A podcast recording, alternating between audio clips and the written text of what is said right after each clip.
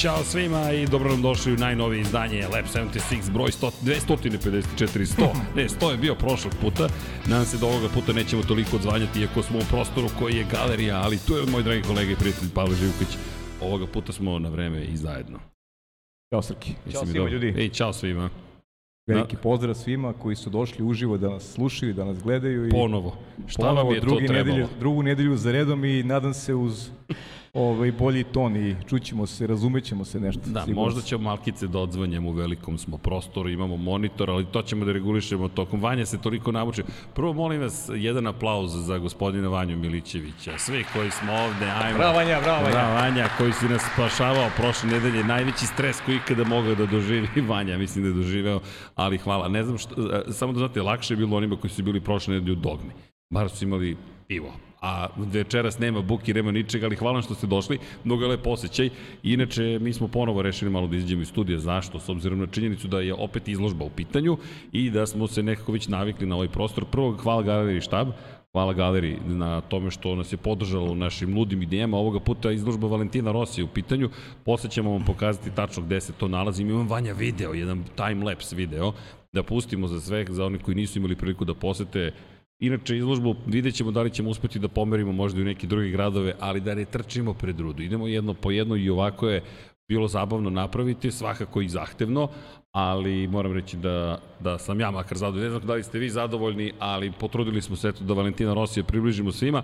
Da li će biti Formula 1? Pa bit će svega, tako da ćemo se potruditi generalno da nastavimo sa ovim, sa ovim idejama i tako. Lab 76, uvek neka luda ideja, imali smo prošle nedelje i Meta Uxley, imali smo i Henka Kulemans, imali smo i Žurku, nismo se čuli ti i ja, nismo se ni videli, ali nema veze, bilo je i dalje zabavno. Ubio me čaj, nisam mogao da se A, javim. ali nastavljaš sa čajem koliko Pa nemam vidiš. što, Dosledan sam. Ili to do kraja nove godine, do ove godine ili... Do kraja ove godine sigurno. A, dobro, dobro, dobro, Javit ništa. ću ti kakvi su planovi za dalje. Ne, ne, zato što moramo da istražimo za Lab 76 300, pazi, to će doći brže nego što misliš. Da. Ja mislim da je to sasvim u redu. Inače, nije da nemamo o čemu da pričamo, samo se pa ja stvarno dugo nismo videli, a hvala svima koji su svratili i tu su da nas podrže. Naravno, ko je na YouTube-u, javite nam kroz poruke da li je sve u redu, da li je zvuk ok ovoga puta, da li je odzvanje. Možda su mikrofoni malo će da kupe, pa sad smo naučili da ovi mikrofoni nisu nužno da se izvade iz studija. Prošli put su nas dobro služili, ko zna šta smo im učinili umeđu vremenu, ali bez obzira na to nadam se da ćete se zabaviti. Udrite like, naravno, udrite subscribe i sve ostale lepe stvari i nadam se da ćete nas podržati pošto mi nastavljamo sa našim ludim idejama i nećemo, makar ne planiramo u skorije vreme da stanemo, a pričat ćemo kao što je nek, jedno dama, a, de, de, de, tu vidim vas, e, je rekla opet o Ferrariju, opet o Ferrariju, evo je publika, pa molim vas, iako vi sebe ne vidite, sad ste u kadru. Sad ću ja vama da dam jedan aplauz. Ovo je super. Pune tribine. Bila sve pune tribine, da, da. Opet se družimo i ne znam gde će biti sledeće druženje. Da, inače sutra uveče ko voli Moto Grand Prix, neka svrati. Pa dobro, ali ajde da kažem, ne, ne smo želi ti ja i Deki, Dek, Deki nema večeras, ali pričali smo negde pred ovaj Jest. podcast da je prikladno s obzirom i da na ljude koji su došli da opet budu malo neobavezniji možda. Pričat ćemo neki tema koje su aktualne, a onda u naredne dve nedelje ćemo da analiziramo sezonu na izmaku. Podelit ćemo opet po 11 trka i bavit ćemo se podrobno onim što smo gledali u 2022. Pa to eto, neka Tako posluži kao najava za, za sledeću godinu. Neće biti zgorek da se malo podsjetimo šta je sve obeležilo ovu godinu ko je bio dobar, ko je e, kiksirao, ko je ovaj, mogao bolje i tako sve ćemo to da uradimo onako što mogu da kažem u našem stilu, onako podrobnim ovaj, kao Pa, podcastima. potrudit ćemo se. da, Potrudit ćemo se da sve analiziramo. tri, tri, tri kusura. Pa da, čekamo Hasana Bratića, pošto Andrej Isaković nas izbegava već 12 meseci, od kada smo imali analizu godine sa Andrejem, nije se više pojavio u studiju na kraju univerzuma, da iscedimo Hasana, mada je Hasan trenutno na futbolskom prvenstvu, i, kao i Andrej, i ima pozdrav naravno iz jednog i za Dobar, sa drugog. Hasanom ćemo da pričamo neke drugi stvari, možemo, mi ćemo da cedimo suvu drenovinu, a Tako je. sa Hasanom ćemo neke ovaj, lepe priče životne njegove. Da, jesmo mi imali zvaničnu žurku za novu godinu. Nismo. Dobro, čisto da eto, razmislimo još nekim stvarima. Čisto da, da, da, Vanja, evo da znaš, možda... Čekaj, za, za, za, koju, za koju godinu? Za koju, za ovu godinu. Vanja odbija saradnju, već odmahnu glavom i rekao, taj film se neće Vanja desiti. mi je rekao da je uplatio dočekao za ovu godinu. Ne, ne, ne, ne mislim da dočekamo Šalim godinu. se, Ne, ne, ne, se. Vanja, Vanja, ne mislim da dočekamo. Šalio sam Samo se ja. žurka. Ok, može. Ti znaš da sam ja uvijek za... To, da, pa Za ne, nešto ćemo da smislimo, nešto ćemo da napravimo. Može, Ali- može i čaj, može i čaj da se pije kad je žurka. Nije Čaj, problem. da, čaj. Pričali smo o tom, ču- da se ne ponavljam, već smo pričali o čaju i čajankama, koje nisu čajanke, nisu politički protesti, samo se pije čaj. Tako je, tako Ali je to, to. to je neka druga vrsta protesta koju, koju izvodimo. Ali dobro, ima nekih iznenađenja, inače za one koji su ovde večeras, nešto ćemo vam pokazati kasnije ko je već došao, pa eto pride da nadam se da će vam biti zabavno, ne kažem baš nagradimo, ali da vam pokažemo šta spremamo za sledeću godinu, što se tiče knjiga, ideja i tako dalje, tako dalje. to je- to Pa je eto, malo da stvar. vas pada, malo da, da, da, da podignemo na još Pa ne, imaće, nivo imaće stvari. ekskluzivu ljudi, moći da vide nešto što ovi koji su ovaj, ispred uh, laptopova i ovaj, TV ekrana neće, neće moći da vide. Da. Da, ali ko svrati ovih dana, dakle, do galerije, možda će samo uspeti da da vidi o čemu se zapravo radi. Tako da, eto, pozivamo se još jednom, nije trik da vas dovedemo na izložbu, ne brinite, već je samo ideja da oni koji su stigli mogu da vide nešto što još ne bismo da pokazujemo, jer u mom duhu ja bih to već pokazao sve, ali ajde da bude malo, malo ipak A, bude malo misterije. Tako je. Uf, to dobro zvuči misterija. Ferrari će Marti, biti Marti Misterija, Mara- čit, čitao sam Marti da. Misteriju, zato. I znaš da sam gledao Smrtonosno oružje 2 i u Smrtonosno oružje 2 d- Mel Gibson spominje Mandraka i praviš kada neko nije spomenuo Mandraka kao mađonče. Znao da je neko ko je Mandrak uopšte? Nijedna podignuta ruka. O, Pavle, Ne znam ja. ne znaš ni ti, pa dobro. Mandrak mađioničar, ali to je neka druga priča. Ej, ljudi... Ti si mi pričao, zato znam. No da, da, da, ja sam ti pokazao stripove tamo u studiju na kraju univerzuma, pa smo se tu zabavili. Tako je. Ali da, spomenuo čovjek Mandraka, tako da u duhu, znate ko je Marti Misterija kad već pravimo te šale? Jedna osoba, Pavle, od cele publike zna ko je Marti Misterija. To je moj čovjek. Kogo daje. Dve, dve, evo dve podignute ruke. Aleksandra bi da nas podrži, ali, ali, ali može samo da se smeje. celoj- zna samo za Misteriju, izgleda. za Martija ne. Ali dobro, to je obavezno štivo. Za, Da. A to opet da bi se zahvali što sam te uveo u magični svet Martija Misteri. Bolje da ćutimo. Ljudi, neki strip sada popularan uopšte. Neko ima neki strip koji je popularan. Ok, iz pogrešnog smo vremena pala, ajmo da se vratimo mi na Formulu 1 i ono što, Rekao što sam smo ti, planirali. nemoj da bežiš od teme, ali ti neće me slušati. ne vredi jače od mene. E, ljudi, znate da mi obično imamo neku potrebu da, da, da, da se bavimo, bavimo stvarima koje su i šire od Formule 1. Nemam neku posebnu temu, specijalnu temu, osim da generalno vodite zaista računa jedni drugima da se mazite i pazite i generalno potrudite, pogotovo trebalo bi da ovde period kada su praznici u toku, kada je sve nekako zabavno, ali koliko vidim sve je luđe i luđe, i cene i odnosi i tako dalje. Samo polako da budemo nežni jedni prema drugima. Znam da nije lako na kraju godine, Mnogo toga se izdešavalo, nekako se sumiraju utisci, svi žurimo negde do tog 31. decembra, 31. decembra, ali ajmo samo polako, ukoliko je moguće, prosto da, da pokušamo da nam bude malo lepše. Zato je tu Lab 76, a za koga hoću da spomenem, Patrika Daniela Tambeja, Da. I pre nego što krenemo u ono što su svakodnevnice, samo da se prisjetimo čoveka koji nas je napustio, 73 godine imao, ne, neki od nas ga pamte, rođen inače 25. juna 1949. francuski vozač i čovek koji ne možemo reći da je imao najuspešniju karijeru, ali je neko ko ostavio trag, dugi niz godine je bio u Formuli 1 od 1977. godine pa sve do 1986. I ono što je zanimljivo, jel zna neko za koga je pobeđivao Patrick Tambay? Tema nam je Ferrari. Tako da čovjek koji je uspevao sa Ferrarijem da zabeleži pobede 1982. i 83. Inače na velikoj nagradi konkretno San Marina i velike nagrade Nemačke. I pamtimo ga kao nekoga ko ne možemo reći imao najveće uspehe, ali četvrti je bio u šampionatu sveta i ostavio jedan lep Jeste. trag iza sebe. Jeste, to je neki period, bio tamo Vilnevo neki period. Pa, da, Neko među vreme, recimo. to je ta, tačno u ekipi, taj, da, tako je. u ekipi Ferrarija. I, znaš kako, pamti se i treba pamtiti sve vozače, pazi, pobe, pobediti u šampionatu Formu 1, to je već veliko dostignuće. Ne mogu svi da budu šampioni, ali ne mogu svi da pobede. Koliko je vozača prošlo kroz istoriju ovog sporta da nikada nisu bili ni blizu da triumfuju. E, tam bi Pa to mnogo. uspeo. To, I to dva puta, i četvrti u šampionatu i to je onako vredno dostignuće koje će pamtiti njegovi naslednici i svi oni koji ovaj, se sjećaju tog perioda, a mi ćemo naravno da posjećamo na sve te, sve te ljude koji su ispisivali istoriju ovog sporta, koji mi danas pratimo, koji volimo i, i nije zgorek da se njih podsjetimo ne samo u ovim trenucima, nego generalno. Ja ne malo volim da kopam po istoriji i, i, i interesantno je malo se vratiti u ta vremena i, i vidjeti kako je formula izgledala nekada. A kada pričamo o vozačima Ferrarija, ko je pobeđivao sve za Ferrari. Patrick Tambe je u jednoj zaista redkoj grupi vozača koji su nastupali za tu ekipu, a kamoli pobeđivali. Ok, nije osvojio šampionsku titulu, ali mi pričamo o čoveku koji će svakako biti u, u istoriji Ferrarija i danas je poprilično zaboravljen i zato koristimo priliku, nažalost, obično se setimo ljudi kada nas napuste, međutim, zaista bih isto da. iskoristio priliku da, da spomenemo Patrika Tambeja i nekog ko je zanimljivo imao je u ne znam ko se seća KNM šampionata to je to ima jedna pa ne, od zanimljivih stvari. On je čovek koji je trkač, rođeni trkač, on se takmiči u 24 sata Le Mana i tamo imao opet četvrto mesto, nekog obeležilo to. Jeste. To četvrto mesto, tako da I vozio je za ekipu Hasa, ali ne Gina Hasa. Ne Gina Hasa, to, da. To, to, to isto to, jest, to, jest, to, jest. u KNM-u. Mnogi su povezali to sa Ginom Hasom, ali ni, Nije.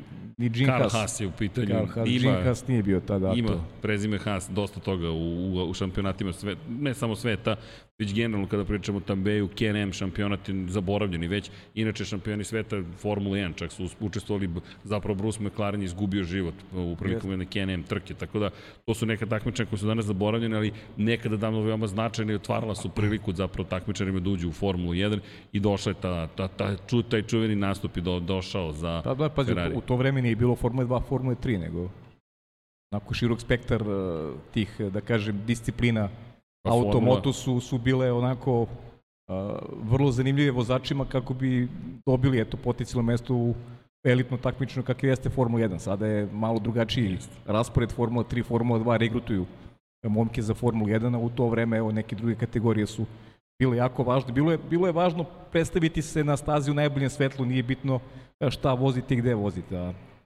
tam bi baš imao dobrih, dobrih rezultata na 24 časa Le Mana, pre svega ističima, to je bila i uvek će biti kultna trka. Da, inače, u KNM šampionatu, to je kanadsko-američki šampionat zapravo, i osvojio dve titule za redom, pa eto, čisto da znate da je imao šta da kaže pre nego što je stigao u Formulu 1. Ni zamerite, ali moramo malo da pričamo ipak i o čoveku koji je nekada davno bio u bojama pa Ferrari. Realno je ta vest obeležila Pa. Nedelju za nama, definitivno. Da, inače vesti polako nestaju, ali Ferrari nekako ne izbija prosto sa stubaca i je u toku utakmice, verovatno utakmice nekog sve, neka svetskog prvenstva, to jeste, jeste, jeste, još uvek traje, dobro.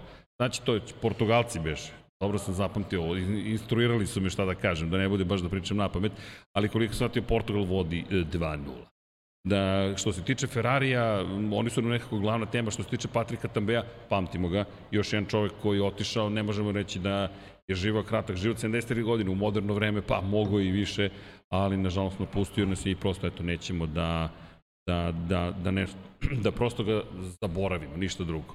Inače, e, pokušat ćemo da vidim samo za zvuk, jer sve red desno iza tebe gledaju u galeriji, ko, šta, kako. Mandrak i Lotar, neko ovde je spomenuo Mandraka i Lotara i u četu mu je napisano desno iza tebe gledaju galeriji. Neko se dopisuje s nekim, nemam pojma, ali dopisujte se ljudi i uživajte.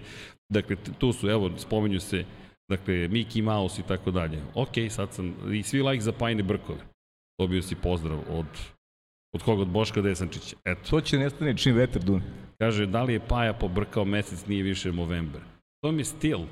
Ja sam pobrkao mesece, to ja sam to furao u, u mesecu u decembru, a inače Bojan Gitarić je donirao 500 dinara. Zaborio sam žile da kupim, to je, to je ovaj, Taj moment. Ne, nemamo sponzora.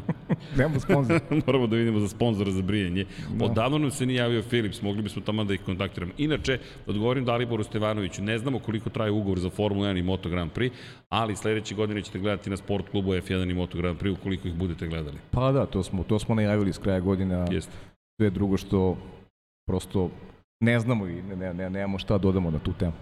Da, inače kažu da se slika ponekad... Za NASCAR, za NASCAR i ne da. znam, pravo ti kažem. A za NASCAR ja mislim da je ostalo. Inače, neko je pokrenuo, sad sam zaboravio ime, Naškar uh, profil na Instagramu, za sve ljubitelje NASCAR-a na ovim prostorima. Pa eto, ko voli NASCAR, neka potraži e, pa super, NASCAR. to je interesantno, to je, to je Dobro se setio, dobro se setio neko. Ako sam dobro ispratio. Ne bi mi čulo da je Boris to uradio. E, nije, mislim da je, e, ali sad da ne lupam, ali ako sam je dobro zapamtio, mislim da je baš rekao Naškar da se zove ili tako nešto. U svakom slučaju potražit ću pa ćemo ostaviti u, u por... I da podsjetim još jednom, ostavićemo u komentarima, ali trofeji, ljudi, ko je osvojio u e, fantaziju trofeje, javite se, pojavite se, da preuzmete trofeje, inače ćemo imati 12 trofeja sledeći put koji stoje kod nas. Inače ćemo početi da topimo ovo zlato. Baš ćemo da se obogatimo. Ali dobro, ako ti kažeš. Kako, kako? Jel neko? A ne, to viču sa strane. Dobro veče, slobodno nam svratite. Ja sam čuo odavde da dolazi zvuk. No, nema veze. Da se mi vratimo ovim ozbiljnim temama. Ozbiljna tema je Ferrari. Dakle, šta ćemo radimo sa Ferrarijem? Ferrari, pro, o, dobili smo, Vanja, ja ću da uklonim uh, have a good time i tako dalje, hide user on this channel. Nema Kine u kalendaru, takođe, tak, tako je, da, to ćemo da. da saznam. Ali čekajte, ajmo da krenemo, u stvari možemo da pokrenemo tu vest. Nismo ne iznenađeni. Rekli smo da će Kina gotovo sigurno biti sklonjena sa kalendara. Pa da, sad samo nadamo se da, da neće biti upržnjeno. Ovaj, upržnjeno mesto, pa da imamo pauzu od nekih, koliko beše, 25-30 dana, što je ako baš previše. Verujem da će neko popuniti to mesto Kine. Negde smo znali, mislim da su oni morali da budu u kalendaru pro forme. Ja verujem da, da, će, da ćemo saznati relativno brzo ko će, ko će ovaj zameniti Kinu u kalendaru, verovatno zbog obaveza ugovornih e, e, Kina je bilo u kalendaru, verujem da si ranije znalo da trke neće biti, tako da samo čekamo potvrdu ko će je zameniti. I stvarno mislim da, i, i nadam se generalno da, da, da neće ostati ta rupa u kalendaru, jer uh, treba se vodi računa o, o, o regularnosti, a, a regularnost je svakako ugrožena ukoliko ne bude pun fond trka kao što je planirano pre početka godine. Pa, ajmo to su detalje o kojima mora da se vodi računa. Pri čemu Kina, ako ništa drugo, bar na vreme, odlaze nam ljudi, uh, uživajte u ostatku večeri. Ćao ljudi, da, da, da, da mahnem i Aleksandri, odlazi nam i Aleksandra zdravo. Dakle, kada govorimo o kalendaru, znali smo da će ovo da se desi, ali je urađeno makar na vreme, iz moje perspektive makar na vreme, da. s obzirom na činjenicu da je bilo mnogo priče na prethodnih godina u kom momentu je otkazana neka trka. Sada trenutno kako stvari stoje, dakle nemamo Kinu već, već za sledeću godinu. Ja ne znam da li će neko menjati ili ne. Ne, pa ne zna se još, to je ali... samo prepostavka naša da bi, da bi neko trebao da menja. Ajmo ovako, bacimo pogled na kalendar i ako govorimo o tome da pokušavaju, inače bio je zanimljiv skup, ne znam da ste videli, u Pamploni su se okupili i Stefano Dominikali i došao je i šef zapravo, da kažem, izvršni direktor Dorne, Carmelo Espeleta i pričali su o tome o budućnosti zapravo automotosporta i Espeleta koji je rekao da Formula 1 je apsolutni broj 1 na globalnom nivou, mi smo broj 1 kada je reč o dotočkašima, kada je reč o četvorotočkašima nema šta i generalno automotosportu, ali ono što je zanimljivo u, iz perspektive ovog datuma, dakle mi od 2. aprila i velike nagrade Australije do 30. aprila trenutno nemamo ništa. A da, ali to ti kažem. TBA, to be announced. Da, da. Dakle, čekamo šta će se desiti kada pričamo o Moto Grand Prix za 2023. godinu. Dakle, kada govorimo o onome što nas čeka naredne godine, šta je isplanirano za sam april. Inače, čudan kalendar iz moje perspektive. 16. aprila velika nagrada Amerika. Dakle, Austin će biti domaćin trke. 2. aprila imamo veliku nagradu Argentine i imamo veliku nagradu Španije. Kada su gađali bukvalno da poklope sve datume u mhm. aprilu. Posle se već to razdvaja, ali kada govorimo o Kini, pazi, Melbourne pa Baku, šta bi moglo između da se nađe? Znaš šta je interesantno, znaš, da, da ti definišeš kalendar i recimo mesec i po dana kasnije dva, ajde, nije, nije, nije važno sad koja je vremenska distanca, opštavaš da Kine nema. Znaš, pa. praviš kalendar, praviš kalendar, vajde na osnovu nekih jasnih pokazatelja, smernice koje dobiješ potvrde od države koje treba da organizuje da će da će ali trke biti Kina... ili neće biti. Ali kaže, zašto ja mislim da je to neka verovatno ugovorna obaveza od ranije i da je to Formula 1 odradila pro forme, a negde sam mišljen da oni čak imaju ovaj, jasnu percepciju ko, ko bi to mogao da, da, da zameni Kinu i gde će se voziti trka. Ja tako gledam na stvari, sad ne mora znači da sam u pravu, to je više prepostavka nego, pa mislim, da nego, nego, nego neka informacija kojom raspoložim. Da je moralo zapravo da se desi da bude u kalendaru kako bi bilo ispoštovano da smo zvanično saopštili, to je zvanični kalendar da. i onda u jednom trenutku kažemo, ej, ipak nema više to, te trke, ali smo ispoštovali dogovor koji smo imali. A baš to. Kako god Kine, svakako nema Kine koji se bori sa tom politikom COVID zero, dakle, pokušavaju, imaju svoju, sad ne ulazimo u analizu situacije, niti bih se bavio politikom, svakako to nije, nije, nije naš podcast, niti te tema podcasta, ali svesni smo da se dešavaju stvari koje utiču i na šampionat Formula 1. Da li će i kako će to Kina rešiti, nemam predstavu, ali u svakom slučaju 2024. se nadamo da će imati Kinu i nadam se da će Gvanju Joe uraditi dovoljno dobar posao da se sledeće godine zapravo pojavi pred svojom publikom, pošto je on jedini kineski vozač u istoriji Formula 1. To bi za njega bila super nagrada. Da. Zamisli da u Šangaju nastupiš. Jeste. Mislim da bi to zaista bilo dobro. Inače, kada pričamo o Joe, uh, jedna bitna stvar, a to je zapravo Spomenuo bih ono što je jedna od tema koju smo najavili, nije da bežimo od Ferrarija, doći ćemo do Ferrarija, ali kada govorimo o patentu, dakle, ne znam da li, da, da li, se, da li smo možda ikada spomenuli zapravo da je Formulu 1 tužio čovek koji je patentirao Oreal. Dakle, i to ih je tužio u sudu u Teksasu. 7. oktobra je trebalo da bude da dođe do suđenja. Međutim, još 21. septembra je ta vest nekako, mi smo isto prenebrgli u šampionatu se svašta dešavalo i tako dalje, došlo do vansudskog poravnanja. E, izvini, samo da se nadožem, Kasam je poslao poruku, on ima informaciju da će Portimao biti umesto Kine, da je on tako čuo. To Hasane. A Hasanovu informaciju ne treba ovaj, zanemariti nikako naprotiv, zato sam je i brže bolje saopštio, tako da. Da, da, inače, dakle, Hasan prati i u... Pa Hasan prati, Hasan, Hasan u Kataru ne, ne prati, može, bez pa Hasana ne. prođe ništa. Hasan, jel možeš ti bre, be, bez nas? To je, to je pitanje za Hasana. Da. Uh, očigledno ne. Ali da spomenemo... Ne može dakle, ni bez Hasana. E, ali Portimao, čekaj Hasane, Portimao, ako pričamo o... Ha, čekaj, čekaj. 26. marta smo mi u Portugalu na otvaranju sezone Moto Grand Prix. Dakle, 26. mart Portimao. Da li, pa ne, predaleko je, da ostanemo do dve nedelje na odmoru u Portimao i da sačekamo Formulu 1. Što Ali, da ne, to ne, ne, ne zvuči a, loše. Ne zvuči tako loše. Malo da otvorimo evropski Dobra ideja baš. deo sezone, pošto će to biti prva onda evropska trka. U suprotnom, prva evropska trka će biti Baku, koja je na programu 30. aprila. Ali, da se, da se vratimo, pazi, to negde da zapišemo i da, da razmišljamo o tome. Inače, Jens Nigard je čovek koji je patentirao Oreol, I bilo je priča o tome, na primjer, prošlog januara i ovog februara. Mi se nismo time previše bavili, ali zapravo ko se pozabavio tom temom i vratio nas je nekako na tu temu, nekako sada posle cijele godine u kojem je Ben Sulaim zapravo na vodećoj poziciji Međunarodne Olimpijske federacije, Mohamed Ben Sulaim, je rekao da šta su ga dočekali. Dve stvari. Jedna, a grupa advokata koja kaže, završava se glasanje. Radio sam toliko na tome da zapravo postanem predsednik Međunarodne Olimpijske federacije. 17. decembra je izglasan, 18. u 10 ujutru dolazi, vidiš kasno dolazi na posao, u 10 ujutru dolazi na posao i kaže čeka me grupa advokata koji kaže čekate jedno odbiljno suđenje. Ok, i imaš minus 20 miliona dolara na računu FIE. Ok, rešit ćemo nekako, ali to ti je prvi dan na poslu. Kako god, Prvu stvar su rešili, za drugu, ok, nadam se da će uspeti da nešto ne brinem previše. Bitno su taj minus pokrili, to je mnogo važno. Da, da, da, ali, ali pazi, možda je taj minus i mnogo manji nego što bi inače bio da nisu završili ovo. U šta, šta je pojenta? Inače, Alan Albright je sudija koji je, je doveo do toga da se zapravo otkazuje nastavak suđenja još 21. septembra i rekao je da su postigli van sudsko poravnanje. Konkretno šta se desilo, Jens Nigard je nemamo detalje presude, niti znamo koliki je novac u pitanju, još, ali Nigard je tužio zapravo Formulu 1, čak i neki timove je hteo da tuži za korišćenje zapravo Oreola, to je skršenje patenta i tuži ih u Sjedinim američkim državama i nije mala stvar, s obzirom na činjenicu to je to prilično velika količina novca koju možete da dobijete, njegov je patent, dakle morali su da mu plate za korišćenje, za prava korišćenja patenta.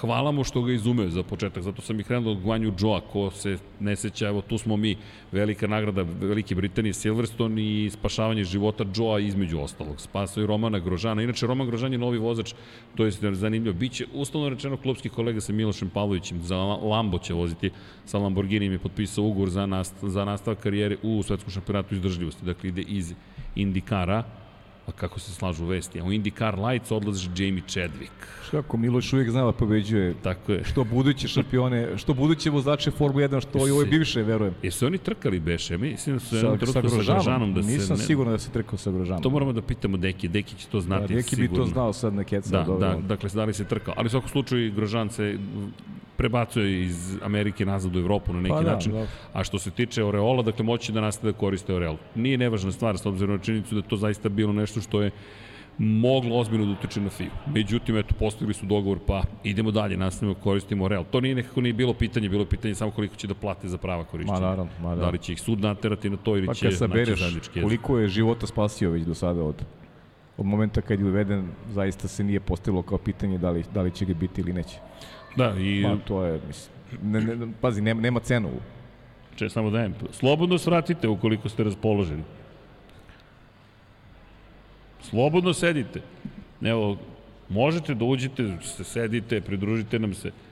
Bez brige. Otvoren je studio, bukvalno. Ništa, vidimo se posle. Ćao ljudi. Ne znam da su očekivali futbol možda ili nešto slično tome. Pa imam Pošto da ima jesu, da. televizora, da, da okej. Okay. Možda neko, ne, možda neko pozorište. Vanja, nismo poneli PlayStation, pa taman ovde da se igramo. Šalim se, šalim se, bez brige, Vanja. Ali, da, u svakom slučaju, Solajm je rekao da to njemu bio veliki fokus. Međutim, to je sada završeno.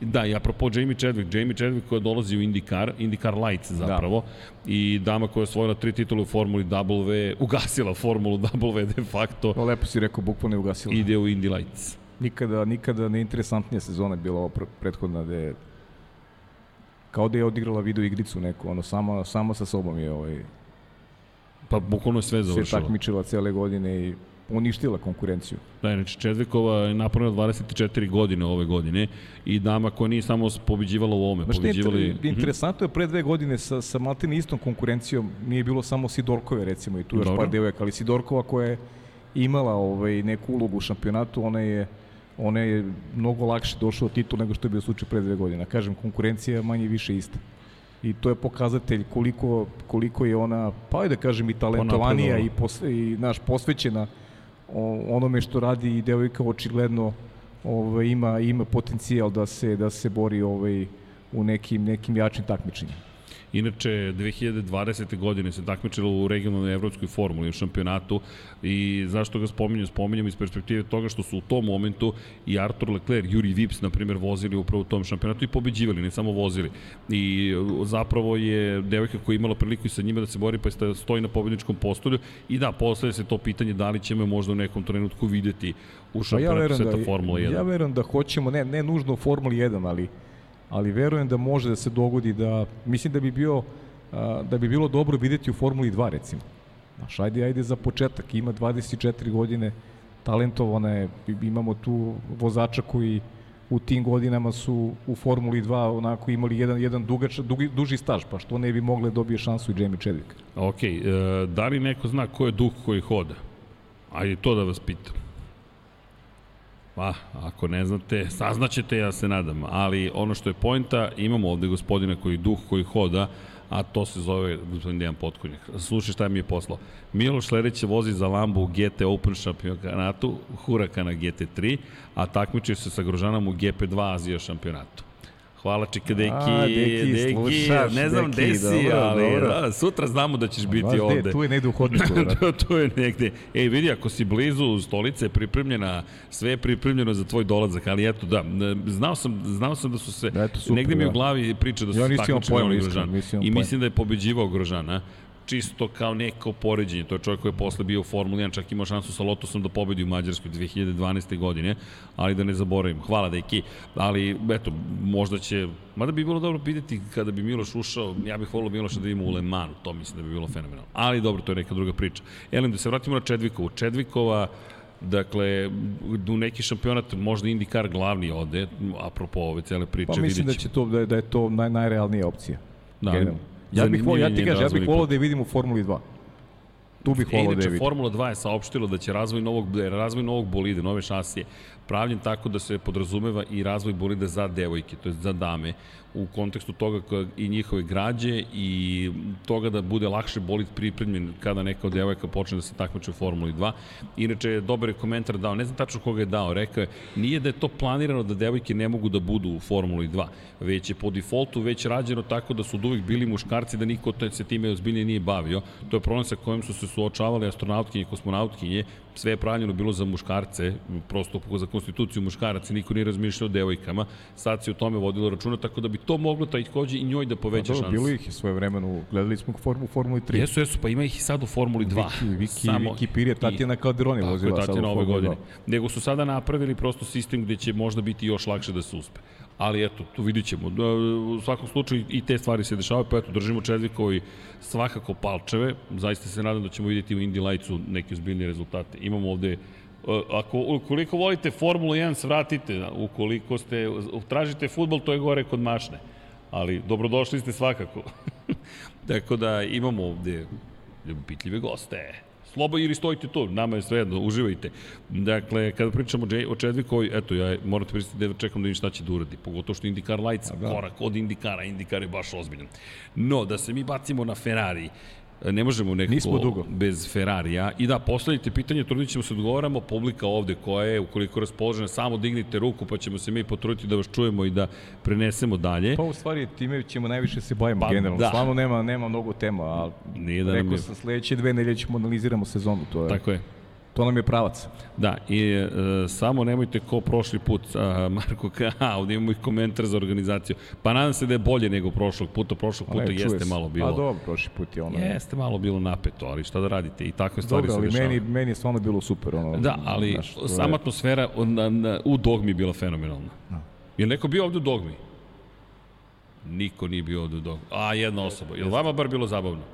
To, jer poenta jeste bila svi oni koji su došli da se družimo. Pa da, pa to je, to je Iz priča. te perspektive nadam se da je bilo zabavno. A kada govorimo o Ferrariju, zašto opet o Ferrariju? Pa eto, izašle su te informacije da je navodno ekipa Haasa rekla da je Ferrari saopštio ekipi američkoj da će sledeće godine biti bomba, e, motor. pa e dobro, sad, da. to može da se tumači na različite načine. Bomba, Bomba, može, je- bomba može da eksplodira, Tako recimo. je, znaš, to je. a nije da se to nije dešavalo ove godine Ferrarijevim agregatima. Pa sad možda nije najbolji izbor reči, ali ajmo da to posmatramo na pozitivan način. Ferrari, Pa dobro, ko je pripremao tu bombu? Matija Binotto, Matija Binotto je pripremao tu bombu. Ko će, ko će sad da nastavi taj neki proces razvoja i ko je sad glavni u Ferrari uopšte? Ili čekamo odgovor Čekamo da se oglasi John Elkan ili se već nešto radi po tom pitanju priprema za narednu godinu, jer nema novih informacija. Pričao sam sa, sa, sa, sa, sa dragim damama, ali smem da saopštim uh, vaša imena. Ok, pošto smo ma, malo pre smo pričali sa, sa, sa dve anđele zapravo i uh, obe su konstatovali isto. Hoće se desiti nešto pre nove godine. Se Sećaš da smo pričali pre dve nedelje? Pa ne, šta je problem? To je sad opet povezujemo malo, povezujemo stvari, prosto moram da ih povezujem jer, jer te, tema je takva. Ovaj, John Elkar ima pune ruke posla i nekako imam utisak da mu je prioritet trenutno Juventus. Juventus kome preti možda i eliminacija iz prve lige. On, je, on, on vodi računa o dve kompanije. I koliko ja čitam italijanske medije, tu sad ovaj, treba da se papiri očiste, da se pripremi za neko suđenje i tako dalje. S druge strane imaš Ferrari koji i dalje čeka svoje ljude. Da li oni znaju ko su ti ljudi ili ne znaju, to je opet nešto što nama nije dostupno, ali činjenica da ni italijanski mediji se ne bave e, previše temom Ferrari. Znamo da je Mate Binotto otišao, ali ne nazire se uopšte ko će biti naslednik. Znaš, nema, e, sve stoji na, na, na informaciju o tome da je Vaser potencijalni naslednik, ali nema novih informacija. I mislim da ovo Ferrari ne ide u prilog. Ovaj, vreme, vreme prolazi, šta radimo sa tom Koji je bombom? danas datum? 6. decembar. Pa 6. decembri, to je ono što je Deki pričao, ono prošlom podcastu, koliko smo se čuli, Boris se šali, kaže, možete ponoviti sve što ste pričali prošli put. Pa ponovit ćemo vratno ali, delove ovaj, toga. e, interesantno je u, eto, u celoj priči da, da, da ovaj, je Binotto radio na projektu koji je, ne znam da li je nastavljen. E, Da li su ljudi koji treba dođu zadovoljni kako taj Ferrari izgleda, da li oni žele nešto novo u tom projektu ili samo nasleđuju projekat koji je počeo Matija Binotto? Šta se dešava u tom, konceptualno šta se dešava u Ferrari? Da li će biti još nekih promena? Da li će biti promena koje će da izazovu a, jasno def, definisanu podelu vozača 1 i 2? Da li, a, šta, se dešava generalno sa, sa, sa onim što Ferrari treba da bude sutra? I plašim se da, da svaki novi dan sve onako umanjuje šansu Ferrari i navijačima da će naredne godine gledati gledati bitku koju oni žele. Ajmo ovako. Binotto sigurno neće biti. Mi pritom danas je 6. decembar i dalje nemamo predstavu. Binotto ide iz Ferrarija. Tako, znači, iz Binotto celog Ferrarija ide iz celog Ferrarija. On ne ostaje. On posle 28 godina on odlazi iz E Ferrarija. sad, to, jedno je, to je tačka. od pitanja je bilo da li Binotto sa sobom nosi tajne Ferrarijeve. I dovezuje se na temu koja je mnogo bitna iz perspektive toga da li je ova sezona žrtvovana zarad sledeće sezone. Priča koja se stalno priča i ponavlja neprekidno, ali ima jedna, par stvari. Prvo, Binotto šta god da ponese sa sobom od poslovnih tajni, ako govorimo o motoru, ne može mnogo toga da učini. Zašto? Najbolje da povede, da ponese sa sobom Ruedu i Meki. da, okej, okay, misliš da ojača Ferrari, ali vidi, to, te ljudi treba neko da zameni. malo se šalimo, da. Šalimo se, to, to, to grubo zvuči, ali nisu baš imali uspehe. Nego u čemu je stvar? Binotto ode na sredan u Mercedes, to se dosta spominje. Priča se da, a pričala se. Ja, ali šta će onda donese u Mercedes? Ti 2023. četvrte i pete moraš da koristiš motore koji su već razvijeni. Yes. Donosiš aerodinamiku. On nije čovjek koji potiče u aerodinamici, on je čovjek koji potiče u mehanici, to jest u motorima. On može da odnese jedino tračeve. Pa, razumeš, zašto bi e, se pojavio kao neki ozbiljni izbor, osim naravno da pomogne za razvoj za 2026. Ma sve si upravo, nema, nema, nema šta. Ali znaš, ko, ko, kome mislim da bi prijelo da angažuje Matiju Binota? Audi. Ti treba da stigneš u Formulu 1. Koliko god imaš spreman hibridni motor, se ono neko snima s polja, a ono je koleginici, ajmo svi da mahnemo koleginici s prodaje. Zdravo, Irena. Ja baš neću da imaš. Pošto ne vidim neko nas se snima s polja. Rekao, ok, imamo prvog stokera u istoriji, ali nije. Nego je koleginica iz prodaje uzela... Čega se ona setila? Čega se setila da fotografiša Izašla stvari da, da nas ne sluša, zato izašla napad. ali vidim, neko se tamo u mraku pojavio. No, ne mogu više njih slušati. ne mogu da verujem. Hvala Vanja za ovu kameru koja gleda u nas. Treba nam malo zabave. E, Branko, Ju, Bruno Jurić se javlja doniraju 250 hrvatskih kuna, hvala, lepi pozdrav i doli, moj nadam se skorom druženju, lepi pozdrav vama i vašoj ekipi. E, hvala. hvala puno, da, dopisao nam je Bruno i ja se nadam da će skoro doći u Beograd pa da se, da se ovi upoznamo. Tako je, malo da se družimo i da, da provedemo vreme zajedno. Inače, pozdrav svima koji su i bili u Dogmi prošle nedelje, pozdrav svima koji su danas sa nama, koji se nadam će sutra takođe doći. Imali smo prošle nedelje baš baš imali smo imali smo imali smo goste iz Splita čak. E jeste, čovjek je došao specijalno iz Splita na Lab 76 žurku.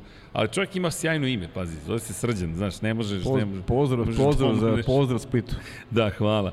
Inače, e, kada govorimo o, evo, jedno od komentara je, Vlajko kaže, ali treba da uđe Porsche. Ali Porsche je trebalo već uveliko da potpiše, dakle, bukvalno dokument koji mu omogućava da uđe na miran način u 2026. To se nije desilo. Mi smo se spekulisali sad će, samo što nisu. Evo sad će, samo što nisu. Evo sad će, pa, samo nemaju, što nisu. Nemaju partnera, očigledno. Ba, bukvalno nemaju partnera. I na kraju se opet nije desilo. Opet smo u situaciji da zapravo da. se ne pojavljaju. Ima interesantni, pa mislim Binotto jeste interesantna priča, ali, ali lepo si analizirao sve. Stvarno nemam šta da dodam definitivno. Binotto ne može da nese nikakve tajne. Ja malo se šalim, ali stvarno može samo da ponese neke tračeve sa sobom, ali Pa, da, Koliko ali... godina je bio u Ferrariju, mislim da tu postoji nešto što... Kako ga kulturološki uklapaš u svoj tim? Pa, znaš kako, ja, ja njega ne vidim kao čoveka koji bi, ovaj, koji bi neke tajne i podelio iskreno. Možemo da pričamo o njegovom vođenju ekipe koje je bilo onako problematično i nije najbolje snašao toj ulozi, ali meni Binotto deluje kao, kao onako čovjek na, na mestu, ne znam, kao neko ko je ko je neko ko je principijalan, ali mekan da, da, da, da postavi red, da postavi red u takvo, takvoj ovaj, franšizi kakva je Ferrari. Dakle, tu, tu je izgubio neke konce, nije uradio dovoljno dobar posao i i ovaj, misli da je njegova smena popuno logična. E, sad možemo da pričamo o tome da li Ferrari mogu drugačije da postupi, da, da on ostane i dalje u fabrici ili, ili da li je to dobra odluka ili nije. Znaš kad možemo to da pričamo? Pa da. kad, kad saznamo ko su novi ljudi. Kad saznamo šta su John Elkan i kompanija isplanirali za Ferrari. Ko su ti ljudi koji treba da ih povedu sutra u pohod na, na šampionsku titulu? Niko se, u Ferrariju se, niko ni navijači, ni italijanska javnost, ni svi koji vole e, Ferrari se neće pomiriti sa tim da Ferrari bude treći sledeće godine. I opet se vraćamo na početak, danas je 6. decembar. Inače imamo Tako dve je. obavezne nedelje pauze koje će se možda povećati i produžiti naredne godine. Šta to znači? Kao što imamo obaveznu pauzu leti, imamo obaveznu pauzu oko nove godine, kada fabrike ne mogu da rade. Ako ti ne radiš tokom dve nedelje, e, ti dakle čekaš da se završe novogodišnji praznici, da onda dođe zapravo novi šef i počne da vodi ekipu. Mi smo videli prve fotografije Đorđa Rasela u modelu koji se, Mercedesa koji je u veliku pripremi. Mercedes ne menja ekipu. Dakle, evo neko se šali, za Charles Leclerc počinje nova era, ostavio je devojku. da, da, da, to, to je neko, neko rekao. Ima novog šefa i Kaže, sad kako kreće. nema informacije ima, Charles Leclerc ostavio devojku. da, to je međusobno su se ostavili. Ali vidiš, Pale, sada kada raskidaš, to moraš da uriš na društvenim mrežama i to morate oboje da, da skedžulujete, dakle, da, Srđene, da, da, da isto vreme Tako vreme je došlo, ako nisi uradio na društvenim mrežama, nije, se da nisi, desilo. nije se desilo. Prosto, da, da, pa ali bukvalno ovako gledam i kao izlaze... Leclerc prati trendove, to je naš modern dečko. De, definitivno modern. Mada vidim da su se neke dame javile i rekli, ok, počinje moja era. Da, tako, da, ako, ok, ako, ako, je to, tako, ako, je to, ako je to plan, ok. Ali mi je bilo zanimljivo prosto, znaš, da, da, da, da se ipak stvarno neke stvari dešavaju. I sad, koliko god da se šalimo, ovde u okviru ove izlužbe Valentina Rossi imate jednu godinu, 2007. koja je važna i za Casey Stonera. Šta je Ducati uradio? I to se, to se vrlo dobro sećam. Lobirao je da se Casey Stoner oženi između 2006. i 2007. Jer su procenili da je toliko blizak i zaljubljen u svoju devojku tadašnju i sadašnju suprugu s kojom ima dvoje dece, da su smatrali da će za njegovu stabilnost biti bolje da Jel te stane pa na... Dobro, to, to iskreno nije, nije ništa novo mm. vezano za... Znaš da to se radi sport, u sportu, pa tako da, je. Da, radi se, definitivno se radi. To je bilo i mnogo ranijih ovih godina uobičajena prosto Jest, taktika da. menadžera. Zašto to spominjem? Zato što ovo može takođe da utiče na Charles Leclerc. Ne znam kako mu odnos, ne mišljam da se ne interesujem zaista privatne odnosi, ali samo naravno. konstatujem A mi ne da te stvari mogu da utiču, nema pojma, da. zaista niti kako, kako su funkcionisali, niti šta da. se zbiva. Ali činjenica da se stvari menjaju u Ferrari. E sad, da se vratimo opet na početak, a to je motor za sledeću godinu. Kako je moguće, ne znam da li se, ne znam koji je to bio, bio broj, Lab 76, ali smo pričali o tome da je Ferrari izabrao jednu zanimljivu strategiju za ovu godinu. Od 1. septembra ove godine mi ne možemo da menjamo motore. Nema više Jeste. promjena motora. Kako je onda može sadašnji motor Ferrarija, to je budući motor Ferrarija da bude bolji od sadašnjeg? Postoji samo jedan način, da mu povećaš nivo pouzdanosti. Je. To je skroz pouzdanost da povećaš nivo performansi. A dobro, videli smo da je I, Ferrari odustao do, do, tako je. tekuće, tačnije od ove sezone koja je tek završena. I, I zato sam uzu i sa rezervom. Pričali smo često u podcastima rezultate s kraja godine. Da. Da li su oni validni, e, da li su oni u srazmeri onoga što su realne mogućnosti Ferrari? Aleksu Vuče čekamo mi da... Ja, ja nisam siguran, ja stvarno mislim da tu ima, da tu ima rezerve i da su oni konceptualno krenuli u projekat uh, 2023. Ali ono što me buni, vraćamo se na temu Mati Binota. Jer on je taj koji je radio na, na hajde da kažemo, doradama na priprema za 2023. Njega nema. Ko sada, ovaj, šta se dešava u Ferrari? Ne znam. Šta, znaš, koji proces, koji proces se odvija? Šta radimo sad u decembru? E, šta radimo da budemo bolji naredne godine? Ko su ti ljudi koji rade? Da li neko radi uopšte? Znaš? Ja mislim da bi procurila neka informacija ovaj, u, u medijima da se nešto dešava. Šitalijani su nemilosrdni. Tu je, tu je bitka koji će mediji prvi objaviti. Svi oni imaju neke, neke, svoje, neke svoje vezice, neke ovaj, konekcije sa, sa ljudima iz Ferrari, ali niko ne piše ništa. Nema, prosto nema novih informacija. Evo, od, od prošlog podcasta, ja sam baš gledao prošlog podcasta, nema bukvalno ni jedna nova informacija vezana za Ferrari. A vreme je curi. Vreme prolazi. Što kaže Deki, prošle nedelje smo pričali, idu idu i ovi novogodišnji praznici. Zato ti kažem, imaš dve da. nedelje obavezne, imaš novogodišnje praznike, ko će da ti radi, a ti sada treba da završaš bolid, Mercedes ne spava, Red Bull sigurno ne spava, Red Bull koji kada je osvojio, Ima tu zanimljiva sad stvar. Mercedes je nastavio da razvija svoj bolid sve do Amerike. Pa i posle toga i videli smo uz pobedu Georgea Russella, njegovu prvu karijeri jedinu za Mercedes prošle godine, da Mercedes zaista uložio sebe da sustigne nekako i Ferrari, da sustigne nekako i, na, no. ajde da kažemo, Red Bull. No, Samo da poželimo laku noć dragim damama. A ne, one su shopping da ne ometamo. Apropo shoppinga, Đenka 93, dojiro 5,99 eura, hvala Đenka. Hvala puno, pozdrav momci, svaka čast za rad, hvala. Pitanje nevezano za F1, da li svoje knjige i produkte šaljete van Srbije, to je za Nemačku veliki pozdrav. Đenka, šaljemo sve, E sad, jedina stvar je što, pošto sve radimo legalno, onda to ide na izvoz, pa vam stigne, neki put nekima ljudi na nešto carin, nešto ne carin, ali čisto da znate da koliko koštaju, mi nismo baš najbolji prodavci, ali smo iskreni i koliko koštaju stvari, toliko često zna da košta i izvoz. Pa čisto da uzmete to u obzir što se tiče i dostave, što se tiče naplate. Eto, to je to ono što možemo da vam kažemo. Dakle, voli bismo da kažemo da je drugačije, ali nije. Ne, država će vam naplatiti, sad samo ne znam koliko, ali eto, čisto da imate informaciju, svakako šaljemo sve van Srbije. A inače, da, inače dobili smo pozivi iz Podgorice, da odemo da radimo podcast iz Podgorice. Sa zadovoljstvom. Sa zadovoljstvom, javit ćemo se, apropo te teme, samo ne stižemo sve, pošto imamo dosta obaveze i oko izložbe, oko organizacije, oko svega, pa eto, ljudi, vam nije hladno? Još uvek nije. Mada neki ovde počinju polako da mi se skupljaju. Ljudi, da jeste, treba... ne možu da pomoći. Možete samo da se skupite, dakle, da sedite bliže jedni drugima i to vam je otprilike Jedino to. što ja mogu jaknu moj da vam pozivim. da, imamo ne dve jakne koje možemo da vam ponudimo. Bilo je, u septembru je bilo mnogo romantičnije, moram ti priznati. Malo je hladno, malo je poveći prostor, ali dobro. Je vam bar zabavno, ako ništa drugo? To, no, znaš kad nekog pitaš pa mora kao ti govori. Jeste, kao jeste. Ma jest. Ali da, da, inače tako da, da, da, da, da se vratimo na ovo što smo pričali. Dakle, 2023. zašto može da bude bolje? Zato što ako su zaista, a videli smo po rezultatima i čekamo analizu Alekse Vuče po pitanju broja obrta, evo, poredit ćemo sa Red Bullom i sa. Da. Hondom, u Ferrariju morali da čuvaju taj motor. To jest, ograničili ga ove godine, a on ima potencijal, doviđenja, Ćao devojke, ako ima potencijal za mnogo više, ti središ pouzdanost, dakle ti dalje možeš da radiš na motoru i to je ono što smo rekli da je negde rupa u pravilniku ukoliko, ukoliko ga pravilno protumačiš. Mercedes je ove godine napravio pouzdan motor, a i videli smo da snaga ne nedostaje, da se više svodi na otpor vazduha koji generiše sam bolid, to je aerodinamika bolida i videli smo s druge strane, međutim, da nema mesta napretku, pošto je bio mnogo pouzdan, bakar je to neko naše shvatanje stvari. Ferrari ima očigledno potencijal da napreduje još, ali se vraćamo sada na ovo. To je sve bio plan Matije Binota. Ako nema Binota, gde ćemo?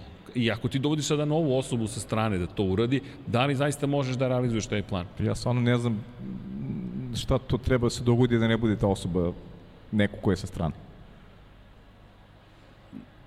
Ne da. znam. Inače, evo da odgovorim na pitanje uh, za, za, za, za Casey Stonera. Pa ne, ne, ne, ne, ne impliciram ja da su nekog naterali da se, ne, nego su samo ga podržali. A ne, to je samo, to, to je sugestivno, ljudi. To, tako je, Prosto to, sugestivno, da. Podržiš je... nekoga ko je klinac. Ali i... stvarno nije, nije to je. ništa novo u sportu, zaista. Znači, možemo pričamo, ja stvarno je, nije, nije ovaj, nije dobro da ja sad neke primere koje ja znam da, iz neke je. profesionalne ove svoje karijere koje sam ovaj čuo i tako dalje, ali je stvarno je stvarno nije primereno, ali to je samo onako sugestivno e, kada neko e, neki menadžer, neki ljudi iz kluba koji možda možda i dobro razmišljaju, ne možda, nego nego velika većina i razmišlja dobro u tom pravcu, ovaj malo sugerišu, malo vode računa o, o karijeri nekog ko je ko je mlad, pomognu mu prosto da, da eto, donese neke, neke odluke. Tako da nije, kažem, nije ništa, ovaj, ništa se dešava prvi put. Da, inače, Hornera su, Kristijana Hornera, šefa Red Bulla, pitali da li, plan, da li je dobio ponudu da pređe u Ferrari. Odgovor je bio da je on čvrsto vezan za Red Bull i da je njegov jedini plan zapravo da bude u Red Bullu. Pa slušaj, to, to... moguće se to dešava, znaš, moguće da u stvari da Ferrari nema pravo rešenje.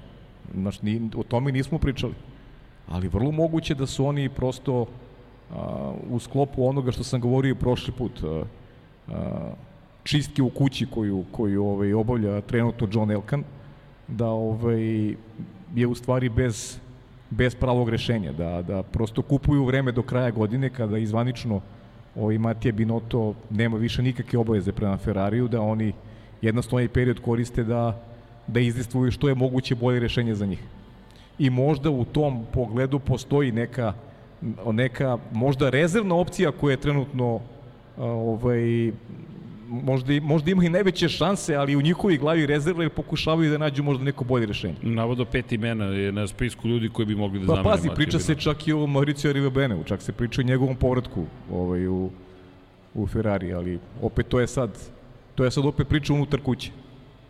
Znaš, on je iz Ferrari otišao u, u Juventus, pa je sad uh, otišao iz Juventusa, pa sad možda povratak opet u Ferrari, a to je sad opet sve unutar unutar ovaj, tih, da kažem, tog porodičnog biznisa i, i kako funkcioniše ovaj, uh, firma John Elkana.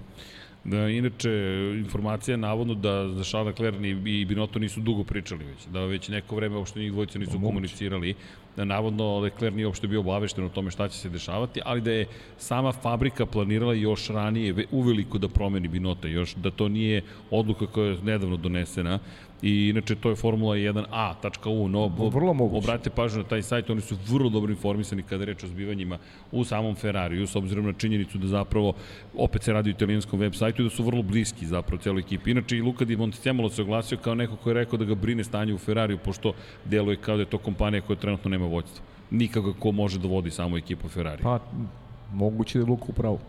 Da, inače, apropo e, priča o tome da će i dalje biti u aktivnoj ulozi Matija Binotto, to je ono što ne znamo tačno, šta sve Binotto u ovom trenutku radi ili ne radi, to niko zaista ne zna i koja je njegova aktivnost. Ono što je problem Binota, moraju da zamene dve osobe, u, osim ukoliko Ferrari ponovo ne dovede čoveka koji je i tehnički direktor istovremeno i šef ekipe. A opet, znaš kako, gledam sad, kakav bi izazov bio za neko ko bi došao sa strane, mislim da, da onako Ja bih se, ja bih se latio tog posla. Zašto? Pa Ferrari dugo nije osvojio ništa. I imaš priliku da, da onako uđeš u istoriju sa, sa titulom, potencijalnom titulom Ferrari. Jer teže bi bilo za nekog da je sad Ferrari osvojio titul ove godine, Binotto otišao i to je onda baš nezahvalno ovaj, zameniti neko ko je napravio šampionski bolid. Ovako Ferrari napravio pomak odnosno prošlu godinu, ali nema taj nema tu vrstu tereta. Ti možeš da kupiš sebi dvogodišnji, trogodišnji rad u kome bi postavio možda temelje za, za nešto što, što, što treba da vrati Ferrariju da primat. Da, izvini, i Tarik Bažić koji kaže pa možda je već Ross Brown bio tamo. Ross Brown koji je završio svoje zahtevno učešće u Formuli 1, ali Ross Brown koji je rekao vrlo jasno, ja više ne želim da se bavim bukvalno Formulom 1, želim malo da odmaram.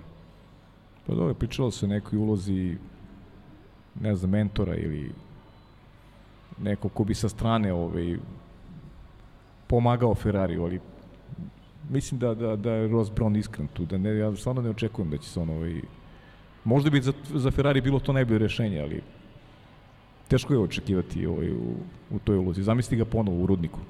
Pa, pa bukvalno to je Rudnik, ti sad moraš da digao si Ferrari, digao si Benetton, digao si Ferrari, digao si Bron Grand Prix, digao si pa i Formula 1, Mercedes ponovo, pa si se bavio Formula 1 i sad treba da se vratiš u Ferrari posle 20 godina. Treba neki mlađi ambiciozni, ali ja stvarno ne, ne vidim, znaš, ne vidim ko je taj. Znaš, sad da, evo, pričamo sad, ovde oba, neobavezni smo i, i spekulišemo sa imenima. Ja, ja nemam, znaš, nemam ime, ne znam za koga bi mogao sad, evo, stavljam se u poziciju neko ko, ko upravlja Ferrari. Ili imaš ti neko rešenje, ko je taj koji bi mogao da, da pokrene tim sa, sa neke mrtve tačke. Sa mrtve tačke, sada, danas. Znaš kako, dove, iako je on odbio ponudu, dovedeš Zajdla, Andreasa Zajdla, dovedeš Naravno, to je, su pokušavali, nikada nisu uspeli. Potpišeš ugovor sa Njujem, Adriana Njuje dovedeš iz Red Bulla Pazi, i, da ti kažem, i kažeš ali, ajmo da se borimo za čekaj, titulu. To, to je, sa Njujem ti dolazi i... Pa to je naučna fantastika. Pa, da, a, nažalost, to okay, je problem Njujem, za Ferrari. Najlakše kažemo Kažem ti, to je jedino rešenje. Kažeš, ok, hoćeš titulu, angažuj Ali da budemo, da pričamo, da su nam, naš, da, priče na, na realnim ovoj osnovama, znaš. Pa ne znam, moraš da radiš nekog novog. Znaš, a šta je problem sa nekim novim? Nju ima, ko, ko, ko je taj koji, koji može da se dokaže? šampionski proizvod ima u rukama, zašto bi on to menjao? Ne znam, i radio na tome takođe godinama. Nego neko ko treba da se dokaže ima potencijale, to oni treba da prepoznaju. To Ferrari mora da prepozna. Ko je novi Matija Binotto? Ferrari je uvek bio... Ali da ga staviš na pravo mesto. Pazi, Ferrari je uvek bio revolucionarna ekipa po tom pitanju. Kao ono istoriji Enca Ferrari. Uvek su znali da tu, da daju, ovaj, da nađu prave ljude. Sada, sada treba to da uradi. Ali ko je taj? Ne znam. Ne, stvarno ne Zaista ne znam. I, a zanimljivo je, Joe Clear se takođe... I znaš šta je poenta? Što ja mislim da ni oni ne znaju. Pa, to ono meni što da Montecemolo govori, kao da je ekipa koja nema glavu. Upravo to. Ali, pazi, šta je meni zanimljivo? Uh, Joe Clear koji se oglasio i rekao da Ferrari bolid zapravo uopšte nije mnogo više trošio gume nego što se misli nego da je Charles Leclerc pred kraj sezone da bi nadoknadio za ostatak u performansama Red Bulla morao agresivnije da vozi bolid ok, šta je preče, koka sad, ili jaje, pa, znaš, to, to je, malo... da bih, da bih sustigao Red Bull moram više da trošim gume, pa, ok, da, znači trošite više gume. Pa, ali nisu imali performanse. Pa sad... sad nije u kolizi, s onih smo pričali malo pre da Ferrari nije ovi bio, znaš, vrtimo se sad malo u, u krug, jer, jer znaš zašto radimo? Pa nemamo, nemamo prave informacije. Nemamo. Spekulišemo ne, ne, svi okay. zajedno, ne samo ti ja, nego, nego svi oni koji onako pokušavaju da pronađu neki optimum kada, kada govorimo o tome šta je uradio Ferrari, da li je bio na nekim limitima s kraja godine i kako će izgledati sledeće shodno ovim promenama i odlasku Matije Binota. Da, inače... Za koji stvarno smatra je bio nemidovan. Ja, pazi, Morao je da se dogodi. A sve ovo počelo od zapravo trofeja Lorenza Bandinija, koji je imao, lako noć gospodo, Lorenzo Bandini, trofej koji je dodeljen Kevinu Magnusenu. Dakle, inače, za one koji ne znaju, Lorenzo Bandini je upravo čovek iz istorije opet. Čovek imao 31 godinu kada je nažalost poginuo, čovek koji je vozio za centro studi za Ferrari i trofej njegov se dodeljuje. Inače, kada smo pričali o Patriku Tambeju na početku, možemo da pričamo i o tome šta, šta je zapravo bilo sa Bandinim. Bandini koji je zapravo zabeležio jednu pobedu, inače za zvanično Scuderia Ferrari SPA, SFAC, Ferrari, u Ferrari 156. Dakle, mi govorimo o pobedi iz 1964. i nad velikoj nagradi Austrije, ali bitna je ta nagrada, taj trofej bitan i Ginter Steiner je bio tamo prisutan zajedno sa Kevinom Magnusenom da, da, da bude uručen trofej Magnusenu. Inače, neko je pitao da li, će, da li se zna sudbina Mika Šumahira, opet, ne zna se. Inače, Damon Hill je zanimljivu teoriju izveo, izneo da je zapravo Mik Schumacher na kraju bio iznenađen koliko je konkurentna Formula 1, jer koliko god da je bio upoznat konkurentnošću zapravo iz perspektive njegovog takmičenja njegovog oca Mihaela Šumahira, kao da nije očekivao da će morati toliko da bude zapravo u celoj priči. Ja mislim da je, da je Mik e, upao samo u loše društvo. U lošem trenutku. Pa ne, eto, mislim, tako, ono, došao je u pogrešnu ekipu. Eto, to je, Znaš, sa Nikitom Mazepiju, njemu je trebao neko, neki iskusniji vozač od koga će on moći da, da nešto i nauči sedeći u garaži, a ne sa Mazepinom koga je pobeđivao u Formuli 2 i s kojim nije bio kompatibilan očigledno. I ta godina je propuštena. Njemu je trebalo još jedna godina i sve sam bliži toj ovaj, tezi da je, da je Miku Šumihiru Haas trebao da omogući još jednu godinu. Ali opet pričali smo o tome, očigledno da je i Gina Hasa i njegovo nezdovoljstvo što ga je mnogo koštala prethodna godina, da je to dovelo od toga da se ovaj, opredeli za onaj projekat koji mu je dao rezultat prošle godine, izvući pozdanog vozača iz penzije i probati onako uz neku stabilnost možda skupiti koje pojem više i to zadovoljava prohteve Hasa u ovom trenutku. Možda u cilju toga da se ekipa i proda ovaj, što je moguće bolje u nekoj budućnosti. Ja meni izgleda tako da, da, da Gene Haas neće ostati ovaj, u Formuli 1 um, onako godinama koje slede baš nekom, nekom duže vremenskom intervalu. Da, inače, Mark Hughes, jedan od urednika da Rejsa, svi delimo isto mišljenje, smatra da je problem struktura u celoj ekipi. Ne jedan čovek, ne jedan pojedinac, nego da je problem u strukturi. Inače, ima ovde vidimo u komentarima i pitanje za šta će Berger, za Gerharda Bergera i koga bismo mi izabrali, Gerharda Bergera ili Frederika Vasera radije. Mm, te, te, teško pa, pitanje. Ja bih, ja bih prizabro Federika Vasera. I isto zato što je tu prisutan i već znamo kako vodi tim. Pa, naravno, ovo je...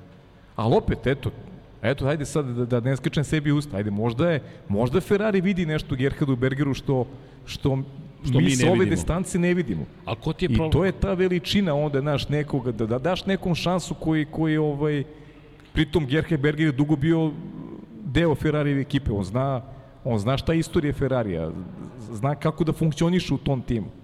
Tako da možda, možda Gerhard Berger zaista jeste dobra opcija, Jedan, ali ne znam, stvarno, stvarno ne znam. Ali znaš šta je problem? Ko će tehnički da uradi neke stvari? E, Evo jedan od komentara, da. Aleksandar da. Kasić kaže malo opisujete Ferrari inženjere kao da su retardi. Ne, ne znam A, kako ne, ste to protumačili. Upravo ih hvalimo. Problem i jeste u tome što je zapravo... Problem je u strukturi vođenja, struktu, ne, je, ne, ne, inženjerima. ne inženjerima, nego struktura vođenja. Pa, to je koštalo ekipu ove godine, ne, nisu, ih, nisu koštali inženjeri.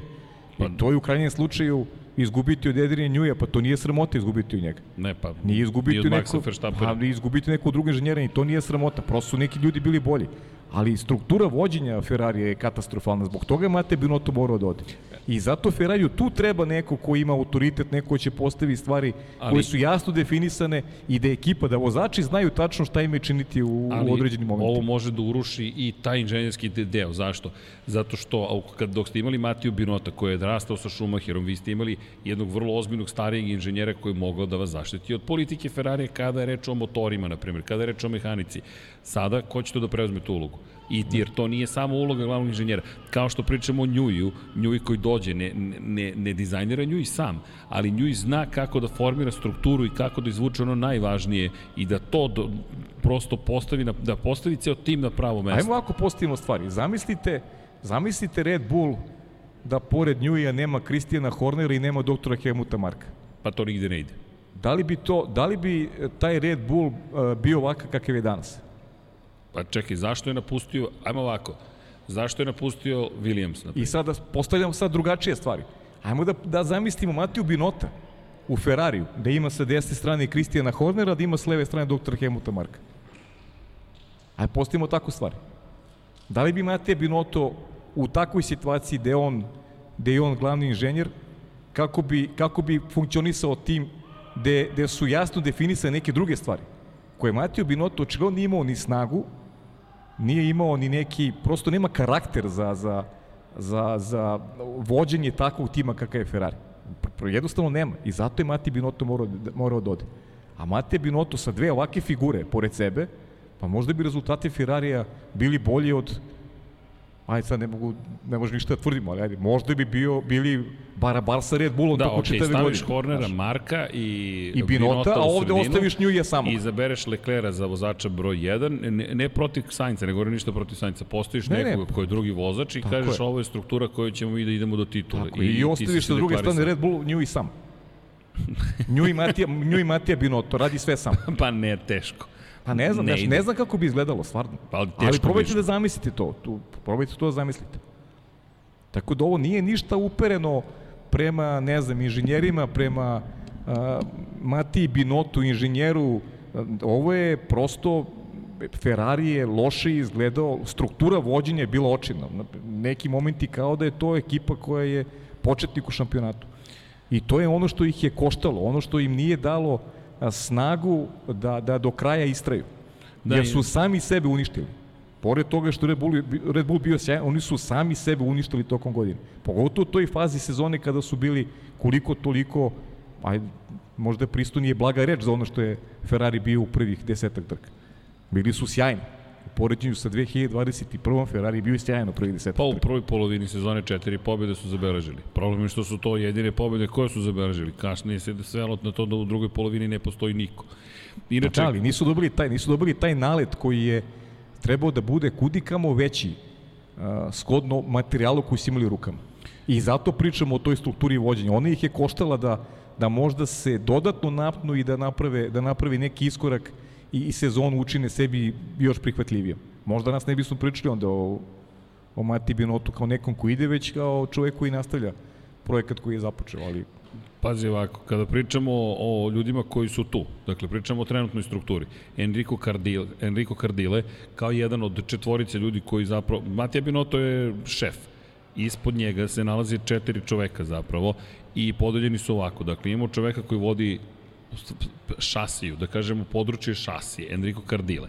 Enrico Gualtieri je čovek koji je zadužen za pogonsku jedinicu. Zatim imamo direktora trkanja, čuvenog Lorana Mekiza, koji je zadužen za ono što se dešava na stazi. Enrico Raka je zadužen za proizvodnju i za za zapravo cijel lanac snabdevanja i kako funkcioniše opremanje Ferrarija. Dakle, to su četiri čoveka koja su bila direktno ispod, u okviru tehničke ekipe kod Matije Binota. E sad, Da li bismo to mogli da nađemo nekoga od njih? Ne znam, evo vidimo u, u četu da se spominje i David Sanchez, koji je jedan od inženjera. Zapravo, on je glavni inženjer za koncepte, razvo, za, za razvoj koncepata vozila.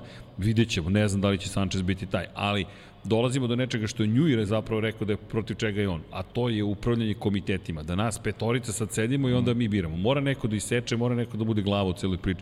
Čak se evo u četu spominje Luigi Dalinja, čovjek koji je Ducatiju doneo prvu titulu.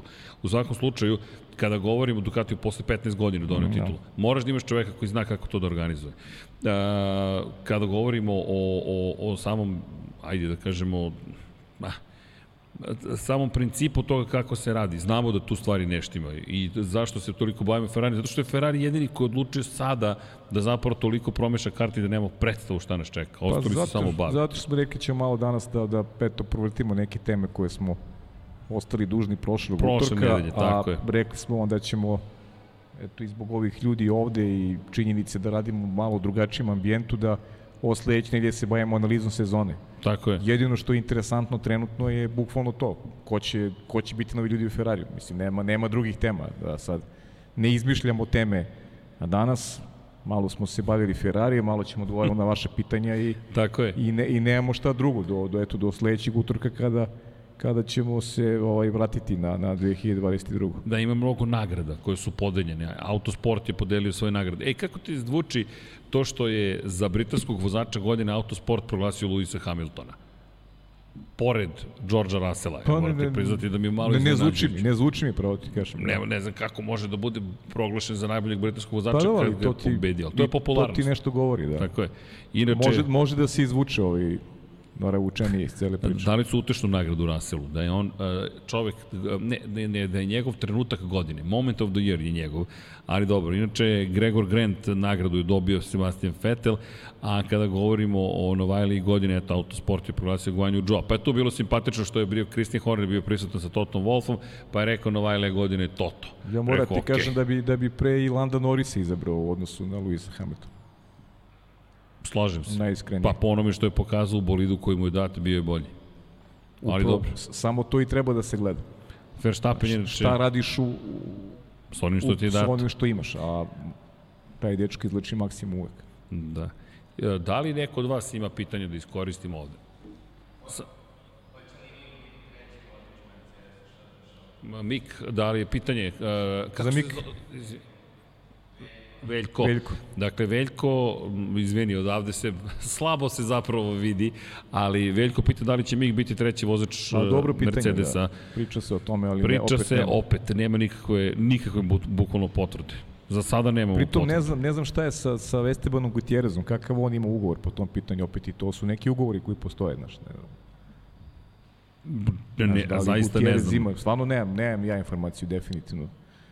Navodno pod okriljem Tota Wolfa je definitivno. Da li se tu otvora neki prostor Na šta će biti i sa, i sa Kubicom? Da li možda tu ima prostor da bude treći vozač Williams? Da li, da li to možda bude opcija? Kubicu smo videli na svetskom prvenstvu podržavaju reprezentaciju. To sam čak ja uočio. Jedina fotografija gde se nekoga prepoznao na svetskom prvenstvu je bila Robert Kubica u, u publici navije za Poljsku. Bukvalno jedina osoba koju sam ja prepoznao. Hasan mi pošalje fotografije povremeno i je super Hasan. Mnogo su, mnogo su lepe fotografije. Čudi me da je Hasan ovaj zapazio Kubicu. da, da, e, ne znam da li je bilo Hasanov, to sam video Aha. na nekom forumu, sam video, ali je bio, ali je bio gužio. Da, baš veliko iznenađenje, jako ga je Hasan fotografisao.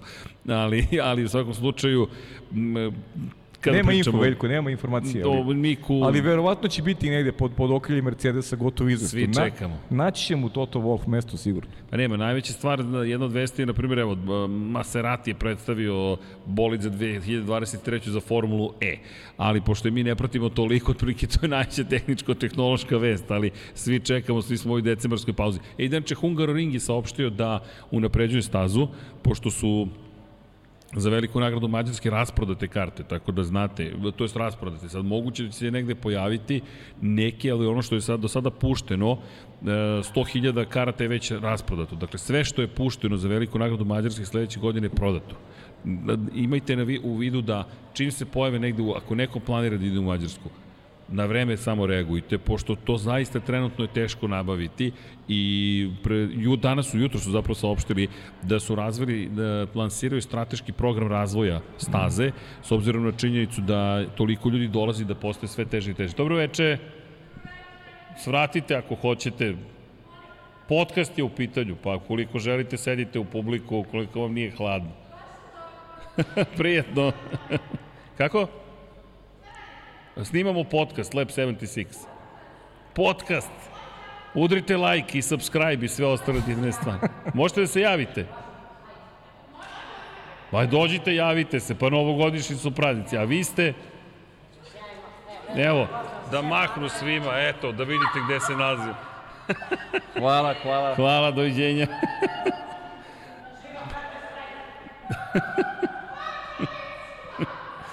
Pa kad je već raspoloženje, zašto da se ne zabavimo? Pretpostavljam da... ok, to što čujete i dalje oduševljenje. Na Pune tribine. Novo tri subscribera. Kad smo već kod toga udrili. E da, prešli smo 21.000 subscribera. Da, vidio Što je fenomen, fantastično, sjajn, sjajn. tako da hvala ljudi svima koji prate i šta god da, da, da, da radite kada je reč o zimi, imate neke predloge za Lab 76, samo pišite, pratimo, nemojte ništa da brinete i potrudit ćemo se zaista da, da uradimo sve što je u našoj moći, apropo onoga što, što ste predložili. Kao što vidite, završamo dosta toga, bit će još stvari i tako dalje, tako dalje. Ali da se vratimo na Mađarsku, dakle, Mađarska zaista investira mnogo novca, ne samo Mađarska. Pokušava da zadrži prosto Formula 1 u svojim okre, pod svojim okrenjem, s obzirom na činjenicu da je vlasnik staze Bernie Eccleston, mislim da je dosta sigurna ta budućnost i dan danas, ali ne samo to, super je događaj, grad živi za Formulu 1, sad će unaprediti i sve ono što se događa oko staze, tako da super. Pa dobro, i naša lokacija u ovom delu Evrope Za nas je super. Jedina, jedina staza, jedina trka. tako da i tu su onako pokrili jednu teritoriju da 23. Onako... jula sledeće godine je na programu. Da. Sedam dana pre velike nagrade Belgije. Nemojte zaboraviti, Belgija je sada pomerena na kraj jula. 30. jula Belgija, 27. avgusta idemo zapravo u Zandvort. To je razdvojeno na četiri nedelje razlike. Dakle, Belgija pa Zandvort, pretpostavka da namerno kako bi što više ljudi došlo i u Belgiju i Zandvort, da još više se popune tribine kako ne bi, kako bi imali više para između dve trke. To je makar neka teorija. Ali ja ću da znate, Mađarska 27. Sam rekao 20, 23. jula, izvinjavam se. Moja greška. Tako da znate. E, još neko pitanje, neko ima? A ima veliko pitanja. A ima još neko? Ajmo malo da miksamo, može. Kakve su nam Uf. šanse za 100 godišnicu Beogradskog 2039. da organizujemo trku? Ništa, Srki ja i Deki ćemo da, se, da se trkamo na 100 godišnje. za 100 godišnje. Vidjet ćemo ako žele, pa, pa, ako, ako žele budemo, da, da nam učine da zatvore grad. Ako budemo tu, da. taman možda da nađemo te neke automobile koji će biti 100 godina stari u to vreme. Teško pitanje. Aj možda neko lakše pitanje da Eto, dobili smo, pa vidi ovako, uopšte nije loša ideja. Ali taman nam treba 17 godina da smislimo kako to da rešimo. Kakve su nam šanse da od tada imamo metro? o, ho, ho, ho, ho, ho. Hmm? Aha, ako možemo da dođemo metrom na trku, organizovat ćemo je. Samo da ne pojedem šolju zbog ovoga, kada ne bude na kraju moramo da vozimo. Pazi, ja, ja, ja nisam rekao ništa za šolju, ja sam samo pitao kakve su šanse. Evo, ja sam rekao, ako, Ti bude, rekao, okay, ako ja. bude metroa dolazimo, iako smo živi, naravno, to ja, je jedan ja, od da. preduslova. Da. Pa naj, najvažniji preduslov. to je najvažniji rekao, preduslov. Sve ostalo ćemo lako. Uh, Veljko, Malezija umesto Kine, u, voleo bih to, moram da ti priznam, da. Sepang da nam se vrati, to bi bilo savršeno ali mislim da su u istom košu. Mislim da su slični, da, si, pa, pa Malezija, kakva ironija, Sepang je izašao u trenutku pre nego što je došlo do novog buma u Formuli 1, pošto nisu mogli da prodaju dovoljno ulaznice, jednostavno su bili da. nezainteresovani.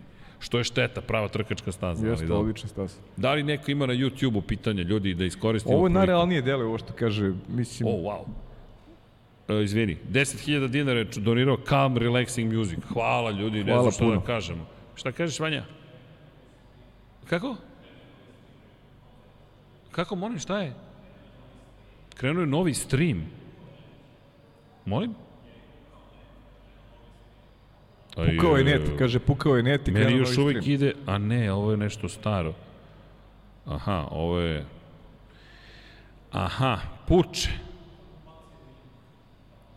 Uh, dobro, puče.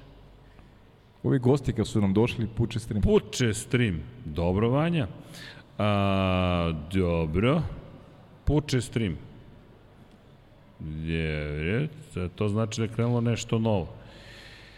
Nisam ni znao, rekao, čovjek nešto donirao, rekao, wow, a to je stara donacija, ali smo krenuli sa Kosmosom, live, puče, dobro, a Vanja, nažalost, izbacio mi iz onog prethodnog streama, tako da, Možda mogu u chat da uđem. Čekaj da vidim. E, teško, nema me u chatu. E, ko ima otvoren i stari i novi chat ako može da ubaci, izbacio mi je chat, sorry. Pa dobro. Dakle, krećemo iz početka. Ćao svima. Ćao svima, dobrodošli. u Lab 76, ne mogu da verujem da je pukao stream. Pa dobro. O, dešava se. dešava se. Ovo se odavno nije desilo, čekaj. O, kako? Šta je? Nije, ma ne, ne, ne, nije nam ma se da, desilo, da, ma, ma, ne, Vanja, opusti se, pa de, de, dese se stvari. Puče podcast, nije pukao, podcast pukao je stream. Uh, dakle, da, ko Ferrari. Dobro, humor je, na, humor je na nivou.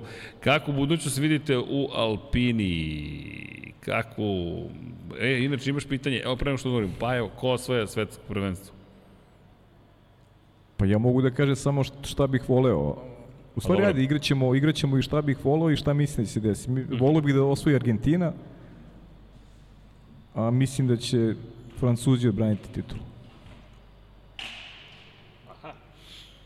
E, nemojte ništa da brinete, sad ću to da, ja ovde nešto sređujem, da će da odbrane titulu. Uh, ja A volio sam... bih Argentina, navijam za Argentinu da oni osvoje. E, da li veruješ da sam ja rekao da će Argentina da osvoji? A to je moj tip još pre početka mundijala. Mislim, čisto ali da je, znaš. Ali onako, više, ne znam ni sam zbog čega, neko bih volio da oni osvoje, ne znam. Uh, ja sam ubeđen da će Argentinci da pobede. Jeste da me niste pitali, pitali ste Paju, ali to je neko moje bukvalno ubeđenje da će se zapravo desiti da Argentinci osvoje titul. Nemam pojma zašto, ali imam neki taj, takav mi je neki osjećaj. Sad, vidjet ćemo, nije da baš mogu da se pohvalim da znam šta pričam kada okay. je reč o futbolu. Ali dobro, ajde da, da se nadamo da, da, da, da sam nešto naučio od gospodina Živkovića. A, jest. Pa, ozbiljno. Nismo Ali pričali dobro. ti ja u futbolu redko. Da, inače, uh, Alen Josenović, Isenović je donirao 2 eura. Hvala, Grožan vozi od 24, ča, vozi 24 časa za lampu. Da, to smo spomenuli. A, kaže, sada je u redu, gurite dalje. Guramo. E, saznali smo kakva je mogućnost za stogodišnicu. Puče. Puče. e, ovo je dobro bio. A, dobro, bar je humor na Ovo je nivou. odlično, ovo je odlično. E, Mihajlo Sekula donirao 4,49 dolara. Pozdrav celu ekipu iz Čikaga, dogodine šaljem slike sa staze u Las Vegasu. A što mislite da nećemo zajedno da ih razmenimo? Pa ja volimo Las Vegas. Da. Da, Las Vegas uopšte nije. Šalim se, ali hvala Mihajlo. Pre svega, hvala i za donaciju, ali hvala i za lepe želje, to je za fotografije koje nam obećavate. Čekamo. Ako se ne vidimo tamo, onda fotografije može. E, kako?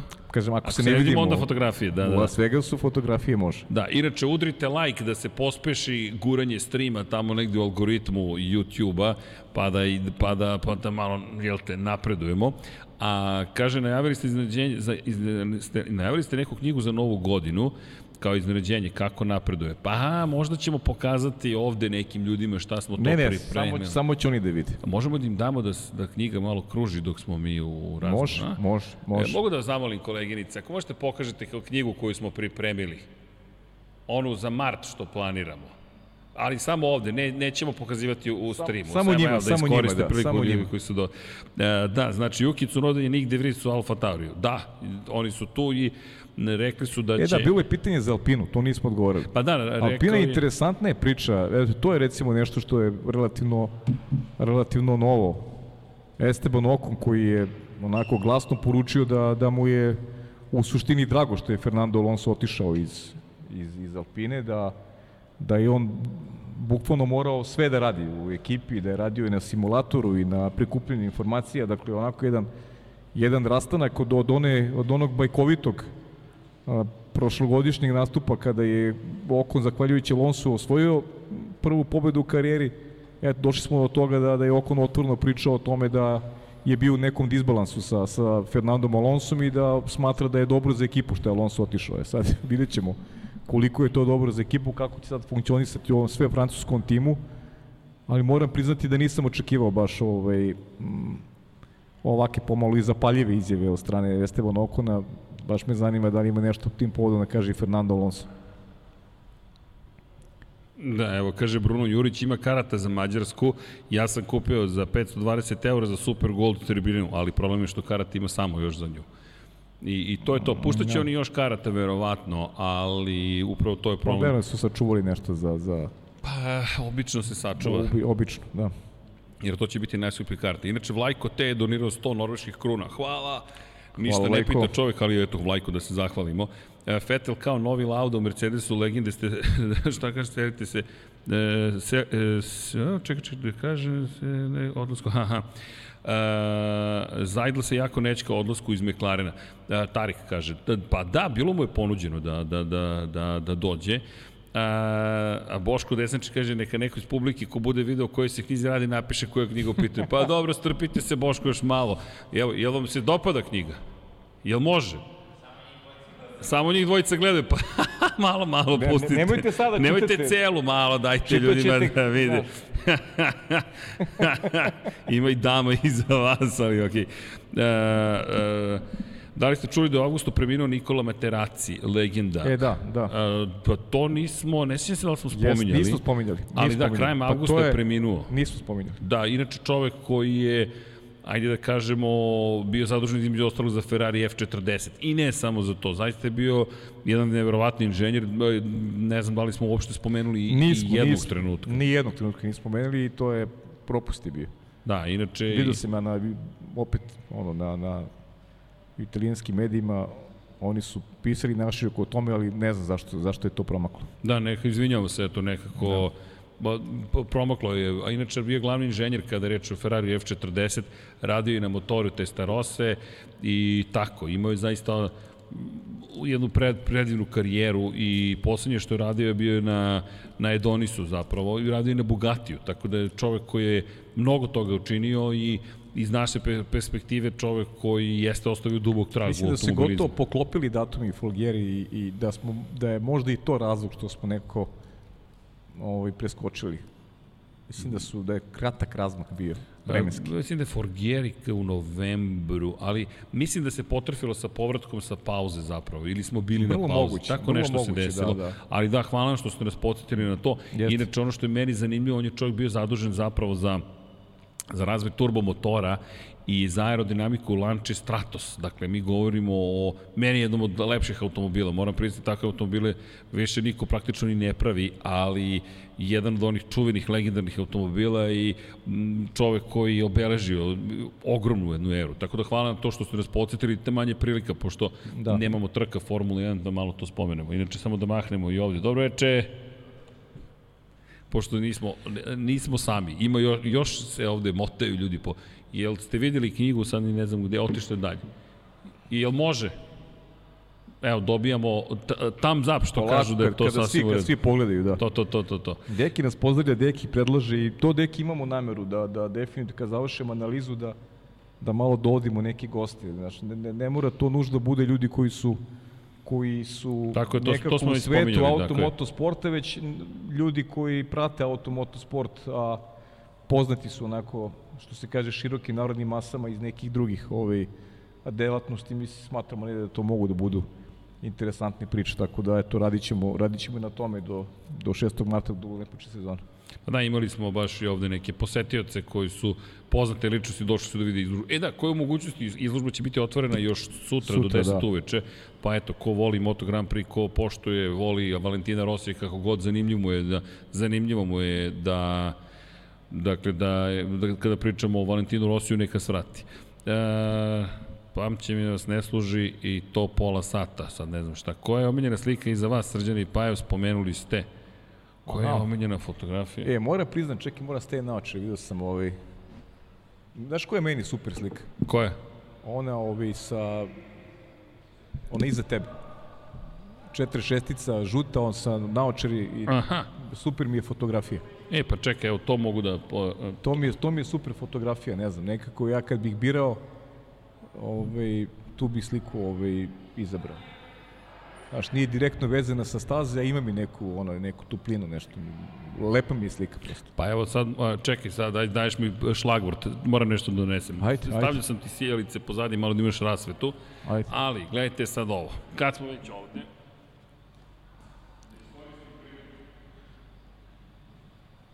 Nadam se da je neko dobro izneđenje.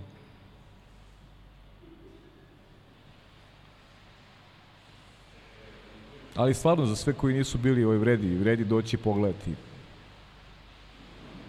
Onako malo se i podsjetiti ovaj, velike karijere i definitivno nego najboljih sportista u prethodnih 50 godina sigurno. Da iskoristim priliku, sad si me uh -huh. Ajde. Evo da vidite koja se to fotografija dopada Pavlu. Čuveni doktor. Da. Ja se nadam da, da može da se vidi. Pošto sad ne vidim monitor. Ok, sad vidim. Dakle, to je jedna od pajenih omenjenih fotografija. Inače, to je čuvena fotografija Henka Kulemansa, koji nam je bio gost. Henk Kulemans je jedini fotografisao tu fotografiju, s obzirom na činjenicu da je jedini imao dozvolu zapravo da... On je to predložio Valentinu 2001 da naprave fotografiju koja je njega, njega kao doktora i to mu je predložio u Herezu i rekao u Lemanu ga je sačekao Rossi i rekao dođi. Zatvorili su garažu i samo su njemu dali tu fotografiju. Yeah. Da fotografiš, ima još fotografija. Inače, šta sam htio da kažem, ovo ćete od petka moći da naručite kao poster 50 puta 70, dobili smo dozvolu Henka Kulemansa, tako da znate, bit će na web sajtu. Sjajno. Eto još nešto, pa eto, eto i za novu godinu. Ovo ni ja nisam znao, hvala Tako je, tako da znate. Inače, Tarik Bašić je donirao deset, rekao bih, švedskih kruna, ako se ne varam, ali ne samo ta fotografija, već sve fotografije koje su na izložbi. I inače, ajde, već kada smo ovde, Pa pošto može, volimo pokaži, pa fotografiju, i ova će biti, ima ih 30 i nešto, nemam sad sve ovde, ali sa svih devet šampionskih motocikala, ovo je zapravo iz Pa i ovo je fenomenalno. Jeste. I ono što mogu da vam kažem, bit će ih i iz Formule 1. Zašto? Zato što imamo legendarnog saradnika, da ne kažem prijatelje i kolegu Hasana Bratića koji nam je dao dozvolu, tako da znate, eto, kaže Nikola Niksi, neka gost podcasta bude Aleksa Vuče, mnogo podataka i grafikona je poslao, sigurno u zanimljivih priča, najpre gde nalazi sve te podatke i kako ih pravi. Pa što da ne? Dobro, što da ne, možemo da sednemo i da pričamo o tome kako i vi to možete da uradite. E, tako, e, kaže, odlično, tako da znate. Šta mislite šta je potrebno Mercedesu da uradi kako bi mogao da osvoji titulu sledeće godine? Puno pozdrav iz Niša. Aleksa, Pa da. puno pozdrava za Niš. Da pobede Red Bull. ok, dosta to zvuči jednostavno, ali ajde da vidimo da li je to izvodljivo. Pa da li, da li mogu, šta moraju da urade? Da, to kad tako svedeš, Pa znam, ali, ali ka, ka, kako, šta, da smanje drugo? otpor vazduha ovog bolida. Pa dobro. smanje otpor vazduha, da smanje poskakivanje, inače za 15 mm će biti podignuti podovi, dakle neće više biti tolikog Dobro, poskakivanja Smanjili su. i već su smanjili razliku. Smanjili su. E, dakle, kada je reč o, o, o, o onome što Mercedes mora da uradi, reklo bi se da su već uradili Pa mnogo ajmo da kažemo ovako, da zadrže nivo koji su imali iz kraja ove, ove sezone. Dobro, ali i tempo razvoja će biti važan.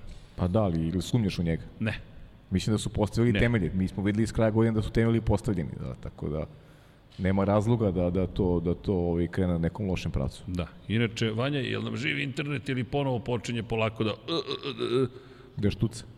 To štuca moj, kaže Vanja da je njegov dobar. A, Branislav Dević, nadam se da smo odgovorili eto, na pitanje zapravo koje fotografije volimo. Eto, tako da znate. Samo da pozdravimo lako noć. E, ili ne, čovjek je otišao da vidi postere, ili nije, ne znam, sad više ne znam ko je gde i šta ko radi, ali mi se ovde lepo zabavljamo. Pokušavamo takođe naravno da uradimo, jel ste, jel ste okej, okay? nije baš toliko... Ne, ne, ne, ne, nešto mene zanima, je li okej knjiga? E, to je to. Dobro, do, do, dobili smo potvrdu Svi su videli, znači da je u može, redu knjiga. može knjiga, dobro. E, Igora Markovića zovite, uvijek je zanimljivo. Sva Igora ćemo svakako zvati. Pa ja sam ga zvao pre neki dan. Pa vidi, uh, s obzirom na činjenicu da kada govorimo, uh, pazite ovako, moramo da zovemo Igora zašto? Vrlo je jednostavna situacija. Dakle, 14. januara 2023. je prvi Mexico City E-Prix i pošto će to biti prva trka Formule E šampionata, A, zbog toga, da. tako je, onda je red za najavi šampionat i da kaže... Poslaće mi poruku u roku od 5 minuta, samo ako Tako gledam. je, tako je. Ne, ali šalno na stranu, malo ćemo, se, malo ćemo se time pozabaviti. Nego da vam kažemo šta je plan za nastavak. E, naredne nedelje prva polovina sezone, analiza Yes. sezone i zatim za dve nedelje drugi deo, pol, Tako je. druga polovina sezone. Najavili smo za ovu nedelju za MotoGP da ćemo to učiniti, ali ja vas pozivam sutra ukoliko ste raspoloženi, pridružite se Deki i meni pa ćemo malo da se družimo i a lepo ćemo u studiju da uradimo kompletne Ma da, analize. ma da, sutra, Ovde je više sutra druženje. ne, druženje, ma da, Mada druženje smo i opet neki ispraznili ceo, mislim da je samo obezbeđenje ostalo u galeriji, ali i to je okej. Okay. Ok, naravno. Bar je mirno i tiho. E, da li postoji, postoji moguće da se vrati Malezija? Pričali smo o tome. E, Martin Kodrić, zvaćemo i Martina Kodrića i Filipa Jenića, tako da znate. I što se tiče motociklizma, ja se nadam da će nam doći i Martin Vugrinec, tako da radimo na tome. Nadam se da ćemo imati priliku da pričamo, iako ne zna, da, da ne zna srpski jezik, e, ali na, nadam se da ćemo imati i Lukasa Tulovića, da će doći u Beograd, tim što ćemo sa njim na engleskom jeziku, ali ćemo se potruditi posle toga to da prevedemo. Lukas koji priprema neka iznenađenja, ali ne smemo da pričamo previše, u svakom slučaju prati, pratite. E, da li postoji mogućnost da Dragana, po, Dragana ponov pogosti u Vesni, da ostaju njene analize? Nisam siguran da će moći, iskreno, ali u svakom slučaju pričat ćemo sa svima koji su, jel te, Ma da, pa mislim, koji imaju dozvolu da. da pričaju, tako je. E, inače, kaže Master ima Srke, ako može preporuka i tvoje iskustvo za Red Bull Ring u Austriji, koliko treba izdvojiti novca za tri dana, noćenje i tako dalje. Pa ajde, probaj ti na osnovu Pa, MotoGP. za MotoGP je mnogo jednostavniji. Nije tolika gužva, moram da vam priznam. Dakle, ukoliko već niste, Pa nema ovog čoveka, nema gužve. E, da, za Moto Grand Prix ne, iako je bilo, bila lepa posvećenost, 90.000 je bilo gledalaca, ali za Formulu 1 baš velika gužva.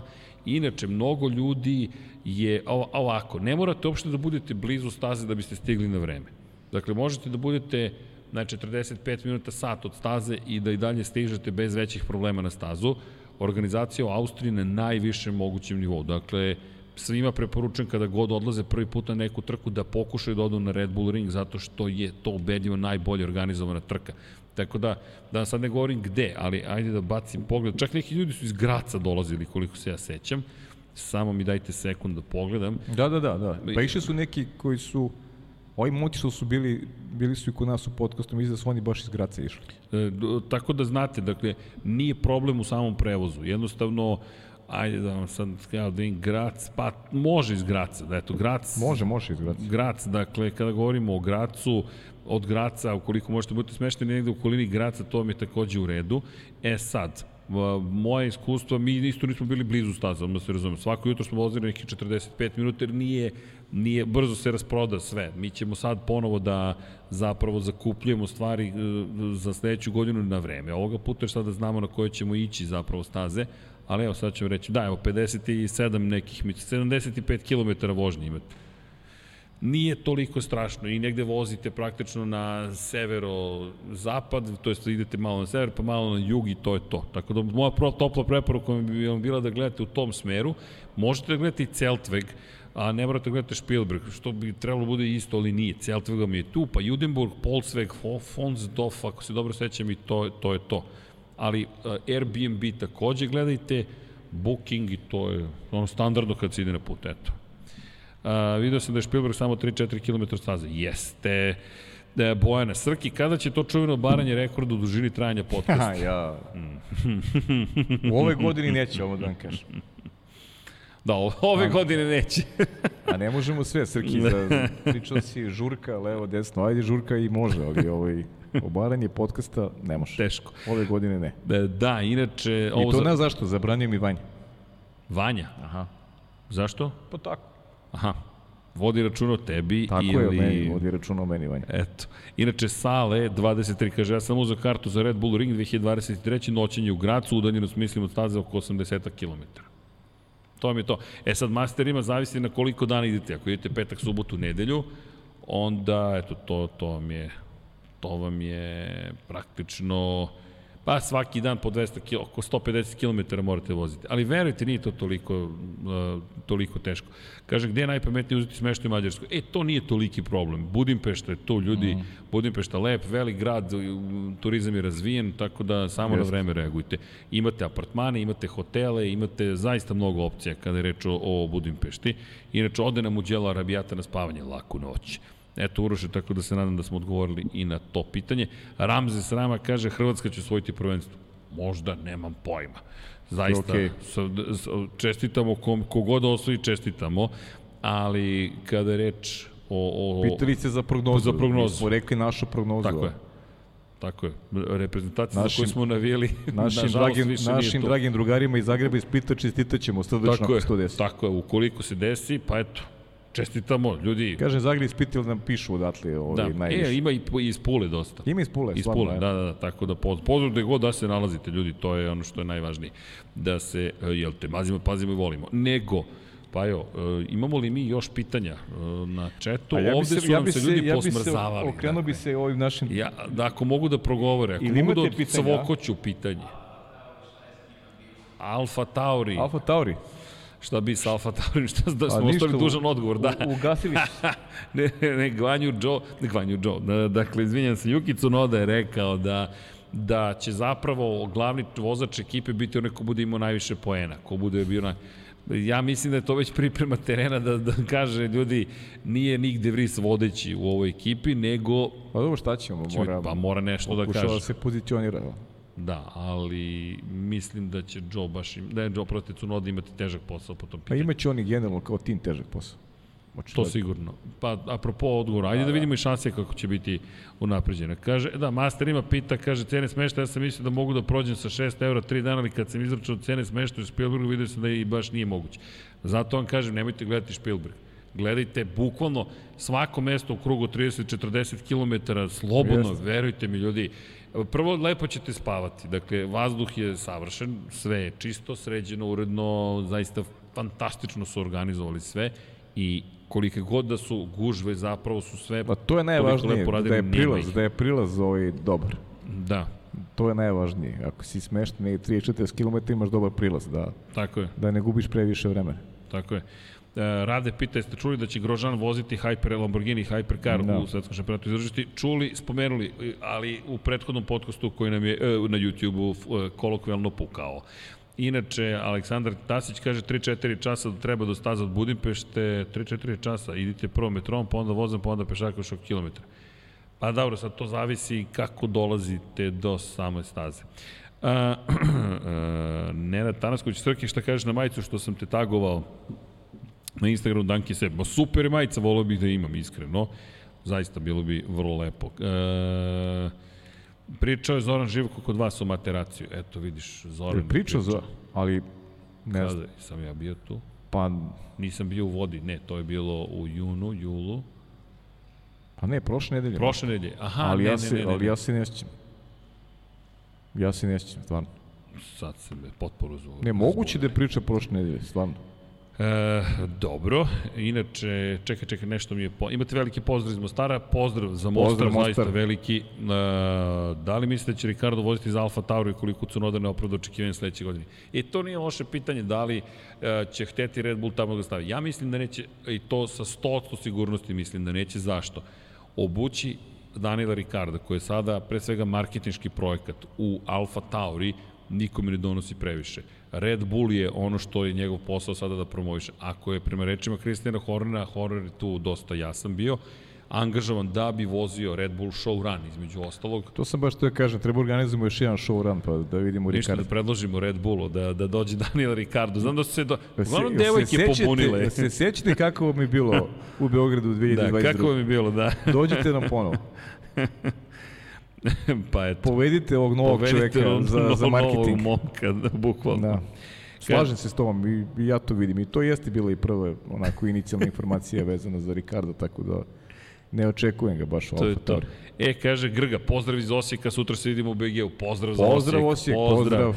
Kaže Nikola Grđan, ima iz Hrvatskog Zagorja, ne prati vas samo Jad- Jadran ili Zagreb. Dobro, pozdrav, pozdrav za Hrvatsko Zagorje, pozdrav. E, kaže Sale preko Global Tickets. Ne znamo koga da vam preporučimo, ne smemo, a da pravno gledano nikog ne preporučujemo za kupovinu ulaznica, jer zaista ne, ne znam, ne, ne, ne, ne sarađujemo ni sa kim.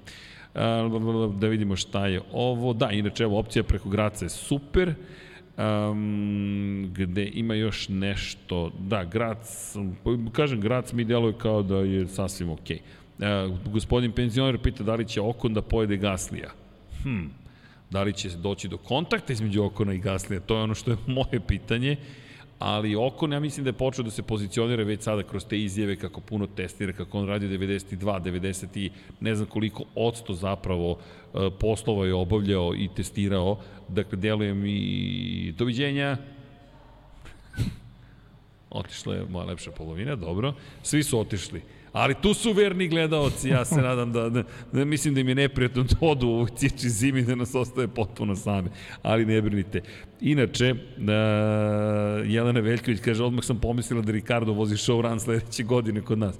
Pa, koliko god je Kultard velika zvezda, samo zamislite da je došao Daniel Ricardo u Beograd. Ja mislim da bi to bilo zaista veliko. E, kaže ili Mladen Alvirovića kao gosta, ja radim u McLarenu, ako se bavim financijom, znam mnogo, jer sve je kao porodica, pa za vas sve. Tarik, Tariče, jesmo mi pričali, ja mislim da mi Tariku stalno kao, Tariče, pošalji nam e-mail na lab76 at infinitylighthouse.com da u krajnjem slučaju, znaš kako, možemo da počnemo da pravimo serijale, odemo u McLaren tehnološki centar da snimamo, odemo, ne znam, da snimimo Mercedesov muzej, odemo u Ferrarijev muzej, tako dalje i tako dalje. E, ali hvala.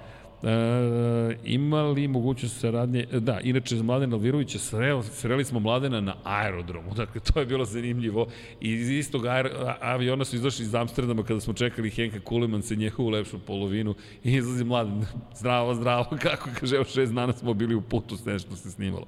Tako da, da, da, da su i oni stalno u nekim akcijama. E, Aleksa Valter, kako stoje stvari, Ricardo neće voziti F1 u skorije vreme. Nažalost, ali teško. E, kaže Božo, u nezaboravno doživotno iskustvo. Za Paju, da li bi više volio da se Juve vrati u vrh ili Ferrari, čime bi učinio F1 neizvesnijom? Pa ne, ja sa, samo Juve, pošto, pošto za Juve navijamo, ovo, ovo ne.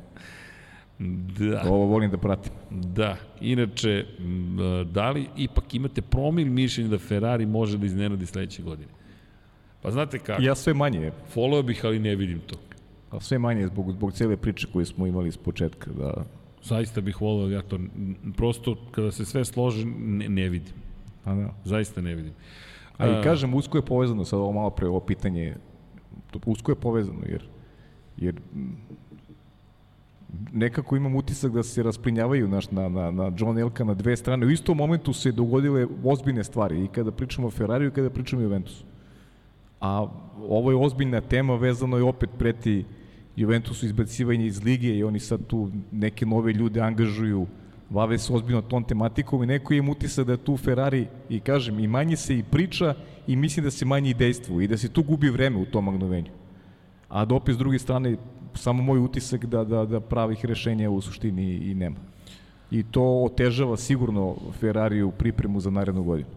A opet, imamo i onu temu Santander, uh, Carlos Sainz, taj neki španski lobby, kako se tu postaviti ovaj, generalno naspram, naspram celog tima i ko tu treba sada da bude uh, čovek koji će onako predstavljati vrh piramide i pres, preseći stvari će izgledati tako i tako. Zaista onako jedan, jedan ozbilj, ozbiljan period je pred Ferrarijem, a ne naziremo, ne, na, ne naziremo ovaj, te krajnje solucije. Tako da, Z, ali znaš šta je problem? Nezgodna, nezgodna je tematika. Stalno imamo istu situaciju. Mi svakih pet godina ne, pričamo istu priču o Ferrariju i nikako ne možemo to da, da, da, da da nikako to da se reši. McLaren je imao velike, pro, veliku promenu. Došao je Zach Brown, pa je doveo Andresa Zajdla, ali oni se sad drže. I to je promena koja će na dugi staze da, da... Šta je problem ko Ferrari? Što, što javnost uvek očekuje najviše. Znaš, ti si imao McLaren, dugo nisu u orbiti. McLaren Zapravo, je... to je tužna znaš, kritika McLarena. Pa da. Pa Od ne, njih se ne pa očekuje ne, da pobeđuje. Ne, pa ne samo McLaren, znaš, ti, ti sad, bilo koja druga ekipa da dođe u neki period, pazi, u, u sportu je normalno da postoji stagnacija, nemaš ti pobeđuješ stalno. Dobro, ali znaš, to radiš idu, sve znaš, što amplitude, ti je... idu amplitude, idu, to je, to je život. I malo si gore, malo si dole. Bitno je kako ćeš, znaš, generalno, kako je postavljen koncept američkog sporta, generalno. Hm. Znaš, teško opstaješ ti na vrhu uz, uz, uz, uz ceo sistem, ne znam, uh, draftovi, ne znam kako se selituju tu igrači i tako dalje. Ceo, ceo, ceo projekat je napravljen tako da daje šansu svima da se, da se ovde je malo drugačije konceptualno, ali, ali sport je takav, punje uspona i padova. Kad je Ferrari u pitanju, uvek se očekuje da bude na vrhu i navijači se ne zadovoljavaju prosječni. Da, traje ta stagnacija možda i duže nego što su, nego što su mislili i u Maranelu, ne samo, ne samo fanovi tog, tog tima, ali je jedan proces kroz koji sada prolazi je Ferrari je vrlo delikatan, jer imaju problem sa, sa strukturom vođenja. I nema jake figure koje bi mogla, za koju možeš da kažeš, aha, ok, to je taj, složili su oko njega, o, o, pokušavaju na sve načine da ga dovedu, nema, prosto, prosto nema te figure oko koje bi se okupio ceo tim i kada da bi mi znali u kom pravcu, u kom pravcu Ferrari ide. I mislim da je to osnovni problem ovog današnjih Ferrarija i zato sam negde skeptičan kada govorimo o tome da oni mogu da ugroze naredne godine uh, Red Bull i Mercedes. U, u stvari, poenta, sve sam bliži da, da tezi da su Red Bull i Mercedes favoriti za titul naredne godine. O tome smo pričali i pre odlaska Matije Binota, a sada kako prolazi vreme, neko sa sve sigurniji da Ferrari u trenutnoj postavci, u trenutnoj, trenutnoj situaciji koju se nalazi, teško da može da se da se uključi u tu vrstu bitke. Znaš ko može da spasi Ferrari? Hajde, kaži. Da, bio je jedan komentar, kritika na, na, na naš račun apropo toga da, da je zvučalo kao da pocenjujemo inženjere Inženjerima, ja ali jedino oni mogu da spase, spasu, ne, oni jedini mogu da daju mogućnost Ferrari uopšte da se bori za sam vrh. Jer ukoliko oni ne urade dovoljno dobar posao, sve pada u vodu, apsolutno, dakle govorimo o tehničkom sportu.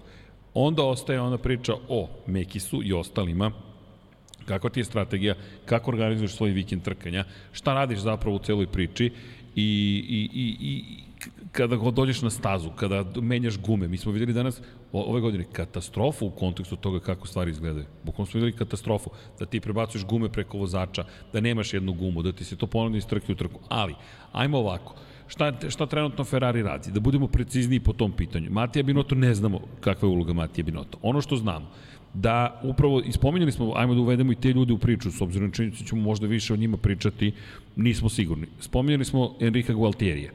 On je bio čovek koji je dobio podršku Matije Binota da se gurne snaga motora do maksimuma sredinom prošle godine pre nego što dođe do zamrzavanja motora. I to su i, to su i učinili. I dobili smo onaj čudni zvuk Ferrari kao da će da svakog trenutka otkaže. Došli smo do nepouzdanog Ferrarija, na kraju godine videli smo da, da to nije toliko loše zapravo, naprotiv. Dakle, oni možda mogu to da učine. Uz to podizanje poda, uz, podi, uz pomeranje difuzora, možda dođemo do toga da zapravo sve što je postavio Binoto, na kraju im da neku platformu koja na početku, ali opet ćemo doći na isto. Početak godine će možda biti dobar i onda šta ćemo? Gde je glava? A pazi, ne, simuliram ne. Neka, neka bude dobar i početak godine. Neka bude dobar i početak godine. Neka dobiju taj neki zamajac. Ali tu smo već bili, pa, pa okay, ja se ali, sećam kad ali, sam ali, ja... Ali neka bude dobar, to, to možda bude neki preznak. Plašim se da, seti se generalno priče, od kako ti ja komentarišemo na, na, na sport klubu, Ferrari ima, svaka druga godina je dobra. Misliš, mi možemo, ako budu imali mi možemo, dve za redom, bit će dobro. Pa mi možemo ovu godinu da okarakterišemo kao dobru u poređenju sa 2021. tako? Je li ona da. dobro odnosno na 2021. Pa i to, fantastično je. E pa ajde da napravite iskorak da bude bolja sad ova nego prethodna. To se nije dešavalo u bliskoj, bliskoj prošlosti. Konstantno su bile te amplitude. Jedna godina dobra, pa jedna loša. Pa jedna dobra, pa jedna loša. Ajde neka budu makar dve dobre godine. Hmm. Pa neka to bude neki, neki dobar, dobar preznak za, za, za period koji sledi. Da ne bude opet sada ozbiljan pad. Jer to onda, onda ovaj, ne obećava definitivno da tamo do nove ere do 2026. Ako sledeća godina bude loša, zaista mislim da 2000, do 2026. Ferrari a, a to nema šta da kažem, onda će šta, odustajemo 2024. i 5. Pa ja mislim da ja da mislim da je to realno stanje. I koliko Charles Leclerc onda vozi godine već e, u Ferrariju? To je, to je, e, to je sad druga, to što je poslao Muhammed Hajdari. 7 godina ćemo na, već nas, biti u, nas očekuje, u Ferrariju. Nas očekuje fantastično 2023. Nas, naš iz koje perspektive?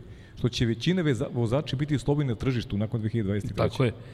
I zbog toga je dramatična svako od njih, pritom te timske naredbe će biti vrlo onako, a, ajde da kažem, negde izazovne za, za sve momke i, i možda će biti vrše, više brkosa nego što je bilo ranije. Jer će morati da se bore za sebe, morat će se bore za svoje ugovore. Jer kad pogledate ugovore vozača, velikoj većini, više od polovini vozača ističe ugovor 2023. godine. To će biti borba za opstanak. Bukvalno borba za opstanak u ovom sportu. I zato je ova godina ovaj, e, po, po mnogim segmentima e, ovaj, ova, ne ova, nego sledeća, 2023. nova sezona, po mnogim segmentima će ovaj, biti onako vrlo pečatljiva, uh, ubeđen sam i interesantnije nego što je bila ova koju isprećemo za kojih 20 dana. Da, inače, uglasili su se Ferrari i navijači iz perspektive toga da smo ih previše kritikovali za strategiju s obzirom na činjenicu da je Oracle pomogao mnogo, ne samo kao glavni sponsor koji daje 100 miliona dolara godišnje na 5 godina, na narednih pola milijarda i vredan taj ugovor Red Bullu, veći time što im je moguće da koriste zapravo neke od najboljih baza podataka na svetu i moć računarska je značajno povećana i tako dalje. Slažem se, imali su veliku pomoć. I svako ima svoj sistem koji koristi na kojem sarađuje i sad da li je to u slučaju Ferrarija, AWS, to je Amazon Web Services ili neko drugi. Sve okej. Okay. Hoćete mi kažete da je Red Bull veći tim od Ferrari, da, da oni mogu lakše da pristupe ovaj, i pa sponsorima i nekim... Ne, mogu... Pa ne, pitam, to je pitanje za ljude koji, mogu, koji šalju to pitanje. Mogu ja nešto te pitam pre toga. Ajde. Koju mi koristimo, koji servis mi koristimo u kabini? Ja nemam pojma. Jel imamo servis? Ne, nemam. nemam imamo ništa. Paju i Paju i Jareta. Nama je bilo jasno da ne treba stavljaš tvrde gume. Ne, nismo imali ni Oracle, ni AWS. Nemojte pogrešno me shvatite, ponekada od šume ne vidiš drvo. Jeste, pa da. to je. Nismo ništa imali osim najosnovnijih papira, nismo Malo čak ni si me papira. zbunio, baš sad razmišljam koji Koji- servis. Pa, pa nemamo, nema ničega. Znao da nemamo ni, ni, nemamo ni kašiku, ni viljušku, nemamo. buko- Rekao sad, Imaš kompresor malo da... kom servisu pričaš sad? Pa ne, znaš, jer cijela priča svelo se sad Oracle i Amazon. Ok, šta smo mi imali kada smo objasnili šta Pa će ne, se i desiti ovo, u i ovo Mađarskoj? kontra pitanje isto, ili, ili, ili šta je Ferrari neki mali tim koji sebi ne može da, da ovaj, omogući neke stvari, moderna tehnologija, šta zaostaje u tome, zbog čega? Pa jo, koliko To puta... su sve, to su sve alibi priče, izgovori koji su ovaj, ne idu uz, a da pričaju tako u Hasu pa onda može, ali da Ferrari priča na taj način i Ima još jedna može. stvar. N- Šta ti vredi alat ukoliko nema ko da ga upotrebi? To je Šta, ti vredi alat ukoliko nema ko da ga upotrebi? Na kraju dana se svodi na čoveka. Na kraju dana neko mora da povuče potez. Na kraju dana neko mora da kaže, ej, znam šta radim. Ili ne samo da znam šta radim, stojim pri mojoj odluci. I znam zašto je činim. Ali to opet kreće od glave. Struktura, struktura Da. vođenja, to ono što smo rekli, to je, to je definitivno problem Ferrari. imaš Oracle, super, imaš Oracle, ali Hanna Schmitz, koja je glavni strateg Red Bulla, je dobila jasan zadatak. Potrudi se da Max Verstappen pobedi. Ne samo mi da pobedimo, imaš, imaš primarni cilj, potrudi se da Max Verstappen pobedi. Potom se potrudi, ukoliko ne može Max Verstappen da pobedi, da Max bude na što višoj poziciji. Potom se potrudi da ukoliko ne može da bude na dovoljno visokoj poziciji, Sergio Perez pobedi. Ili da bude dovoljno dugo igre da omogući Maxu Verstappenu da pobedi. To su ti instrukcije koje ja verujem da je dobila. Šta dobija neko ko vodi strategiju Ferrarija? Potrudi se da Ferrari pobedi. Koji? Pa oni mogu dobiti samo otkaz, ali evo još, još nije. Taj, taj koji vodi ovaj Ne znam. priču o, strategiji Ferrari, ali U svakom i slučaju. to su još, to su još, na naslanja se, milion tema se naslanja Ali na, evo, na, na, kažu na celu ima priču. milijardu simulacija svakog vikenda obavi Red Bull. Dobro, kako tih milijardu izabere pet? A, B, C, D. Ferrari je imao A, B, C, D, E, F, G, A, H. To jest ne, sad otišli u gitare. H i tako dalje. Da, Ne, i ne- uvek pitanje vozaču šta treba da... U svakom ljudi, Kompleksna, kompleksna, kompleksna priča, ljudi. kompleksna priča. Kažu da 20 puta je Nije to tako jednostavno postaviti. Tako je. Pa kažu samo imaš jedno ili imaš drugo. I dalje neko to mora da učini. Inače, trenutni Ferrari projekat je 675, to je zvanični broj ovog projekta i eto, vidjet ćemo da li eto inženjeri mogu nešto da učine. Malo se zabrin- zabrinut, ali se slažem s tobom, lepo si rekao, ukoliko mogu i na početku godine da ostanu u samom vrhu, bit će super za njih. A ne, ukoliko ostanu u sledećoj godini generalno u samom vrhu je, super, Jeste. jer opet, znači vezali su dve dobre godine, to, to je nešto što bi predstavljalo onako pomak nekim, nekim relacijama ovaj, Znaš na šta nas podsjeća Aleksandar Tasić? 2017. i 18. su bile obe dobre. Činjenica. To Da, jesu bile jeste. dobre. Jesu, Da, da. hvala. Uh, srđane, uporno razmišljaš i tražiš osobu koja može da vede u red Ferrari, a ona sedi pored tebe. pa još navija za Juve, pa to ti vidi. Ta Ali nemojte su- praviti konekciju, ja navijam samo uz Juve, to je... E, Da, inače Aleksa Vatar kaže, ja vidim problem, ako Vaser dođe, on ima dobre odnose sa elektrarama, Sajenc je taj koji donosi novac. Pa to je ono što Bajan non stop priča, imate direktnu koliziju u interesima. Nema, nemaju svi iste ciljeve, praktično. Goran Goran, inače, pita da li bi neko svojevoljno otišao iz Ferrarija. San je biti njihov, sam biti njihov šampion jači A od svega. vidiš, Gorane, da, da je nemoguće, očigledno. Da, čini mi se da bi Vettel ostao posle svega da su ga hteli. Da. Pa ima ima nekih ljudi koji stvarno bi trebali da odu sami. Evo, Pa da. malo pre smo jednog apostrofirali. Pa to, to je to. I zato kažem, to je, znaš, delikatno je, jer, jer mora da mora dođe neki čovjek koji ima autoritet i ono što se kaže da lupi šakom o sto i, i da njegova mora da se sluša, da se poštuje. E, to je, to je ono što, što Ferrari nedostaje. Zato smo pričali danas tokom podcasta šta ima Njuji oko sebe. Ima, ima ljude koji se, se bave onim što što njega ne interesuje uopšte. On se čovjek bavi, bavi, bavi se Bavi se mašinom. svojim poslom. Bavi se svojim poslom, on, on uopšte čovjek nije opterećen. Kad vi njega vidite da je ne, on, on ne daje čovjek ni izjavi, on je, on je ovaj, svi znamo ko je i imaš ga u kadru kad treba.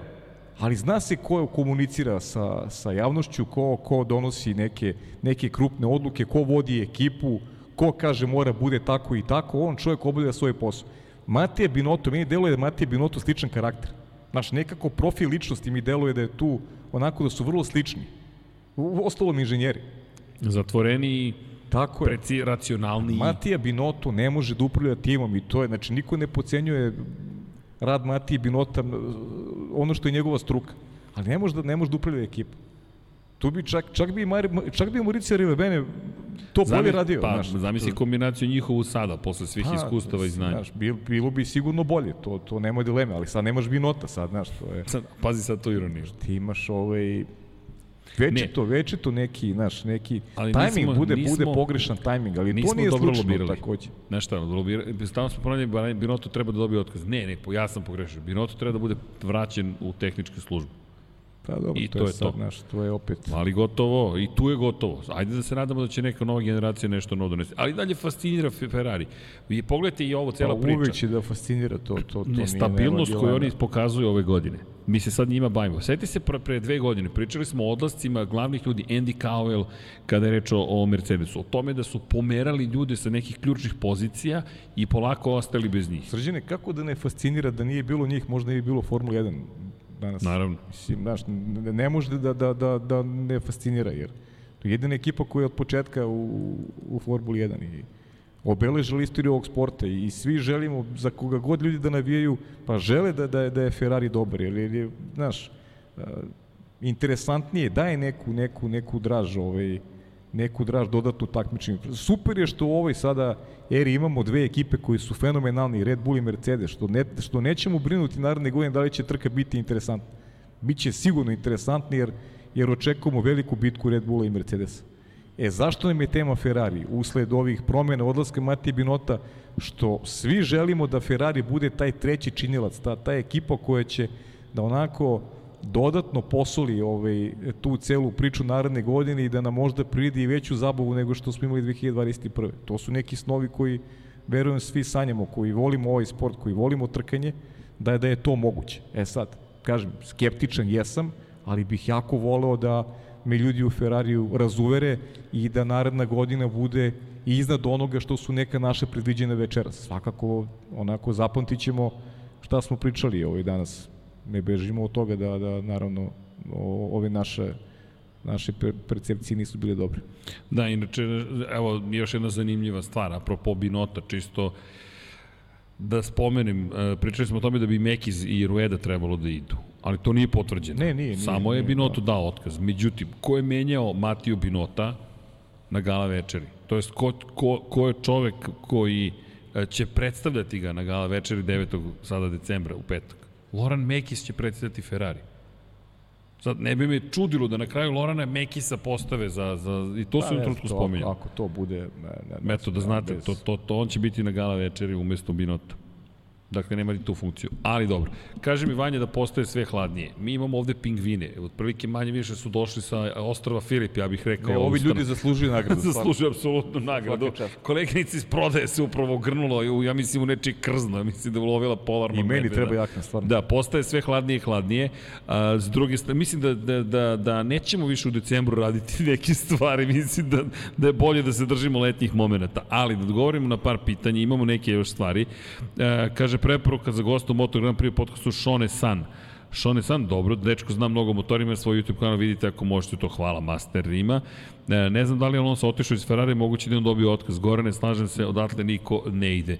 Pa znate kako, na kraju odete zato što više nemate možda snage ili kažete godine prolaze, ajmo nešto da, da radimo i tako dalje. I Amarele kaže ajmo like do 100 pa do 200 itd. Može, like, udrite ljudi, like, ne bi bilo zgorek. E, Ferrari inače imao je bio odličan 2019. imao način motor sa, sami sebe su pobedili. Pa, Ne, ne, nećemo 2019. Pa, 2019. bolje da se ne spominje tamo, polovinom godine su ostali bez motora, ali su posle se nešto dogovorili sa FIOM, pa su platili cenu i 2020. pa i 21. Da li postoji mogućnost Nikola Niksi da Pirelli napravi, e, ne pravi 8 setova mekih, 3 srednjih i 2, srednjih, dva seta tvrdih po vozaču, pa da svako može da bira po svom nahođenju šta mislite? To je bilo pravilo pre COVID-a. To je samo pitanje za Pirelli i Međunarodnu automobilsku federaciju da li žele da vrate pravilo koje je već važilo nekada davno. Ne tako davno, zapravo do 2019. smo imali pravilo u kojem ste vi birali zapravo setove gume i prijavljivali ih. Dakle, mi kada pričamo o, o, o, o Pirelliju, Pirelli je dobio naređenje zapravo u okviru uštede i zato su zapravo izabrali da idu na setove koji su uniformni i slažem se, to odlično pitanje. Bilo bi lepo zapravo da se vratimo na, na, na, na taj, tu mogućnost izbora. To smo već i zaboravili. Hvala Nikola, to je odlično pitanje. Naprimjer, evo, da napomenem, evo, Abu Dhabi Grand Prix. Ne, to je dakle poslednja trka sezone 2019. Samo da pogledam da se da se podsjetimo tu i ja smo već zaboravili koliko je davno na neki pa, način bilo. Mnogo toga sam zaboravio. ne bi trebalo, ti si malo mlađi ipak čovjek, pa, znam, tako da ne bi, ne bi to trebalo. Ali, ljudi, polako ćemo se pozdravljamo da, da preživite, da, da, da možemo da se malo pokrenemo svi zajedno. Pre svega vodimo računa o ljudima koji ovde i generalno odjavit ćemo se ne tako brzo da znate, ja, ja vam preporučujem kada počnem da čitam imena patrona youtubera, slobodno ustanite, trčite ako hoćete, imamo nacrtanu ovde stazu, zagrajte se, imaćete i mogućnost. I, i ja čisto sa vama da znam. da vidim samo koji su, a ne, izbori guma, da pobeže mi. Elem, ljudi, ajmo polako da se pozdravljamo. E, kaže, gde se seti Vladimir 2019. Muhamed da. kaže treba vratiti jednostavno sve moguće narode i Francuzi, i Nemci, i Englezi i sve ostale da se sve to prosto bude jedan skup mozgova koji znaju zaista šta radi. Da li da, birati, zamisliti? ljude, birati ljude po znanju. Ne? Po znanju pre svega, ali da vidimo uh, 2019. Uporan sam sa ovom 2019. Uh, ajde, evo, da vidimo da li ću uspeti nešto da učitam. A, Imamo malo, iznenađe, malo iznenađenje za vas. Sedam i po minuta ću večeras čitati imena i prezimena Patreona i YouTubera, vidjet ćete zašto. Pošto je decembar, pa malo smo napravili praznično praznična atmosfera, ko može da nas podrži, ljudi, sve što kupite u našoj prodavnici je podrška za celu ekipu, da nastavimo da radimo ovakve stvari kao što su izlužbe, da nastavimo da izmišljamo neke nove, nove besne gliste i kerefeke, ali da se tako izrazim, dakle nama glava non stop nešto radi i non stop izmišljamo nešto novo, zašto? Pa verujemo da tako treba da bude da bi bilo lepše, zabavnije, bolje, kako god želite. Shop kada posetite, top, shop top, opa, obrnuo sam ga. Zatim, kako odete na Patreon, patreon.com kroz Infinity Lighthouse, takođe nam podrška znači hvala svim našim pokroviteljima i isto znači kada kliknete join ili učlani se ili koji god jezik da koristite na YouTube platformi, postajete član i nama pomažete da postojimo. Evo, na primjer, jedan zanimljiv moment.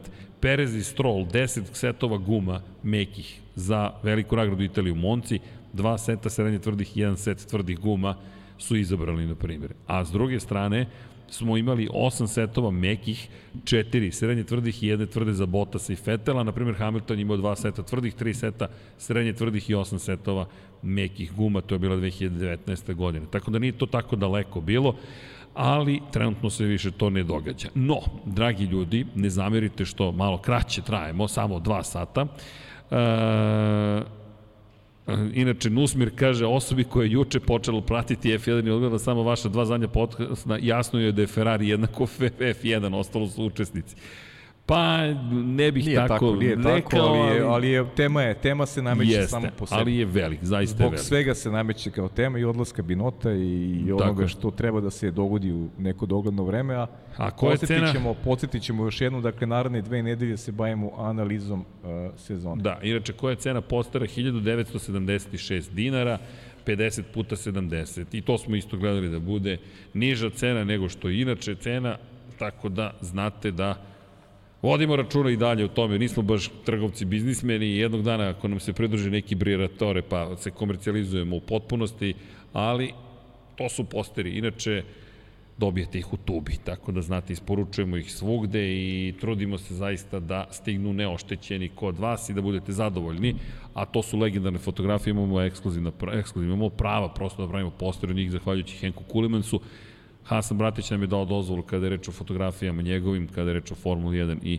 Moto Grand Prix, a mi se nadamo eto da će vam to biti nešto lepo novo, trudimo se stalno nešto novo, čak evo gasi se polako li sigurno i baterija na zadnjem, na rasveti, poručuje mi vreme da završimo. Kada je počeo podcast Uroše, počeo podcast u 9, ali ovo je drugi stream, imate i prvi stream, pošto nam je puko internet u jednom trenutku, sve se smrzlo ovde. E sad, Ajmo ljudi polako ili sigurno da se pozdravljamo, pa da se družimo sutra s Moto Grand Prix i sledeće nedelje u toplom, lepom studiju na kraju univerzuma.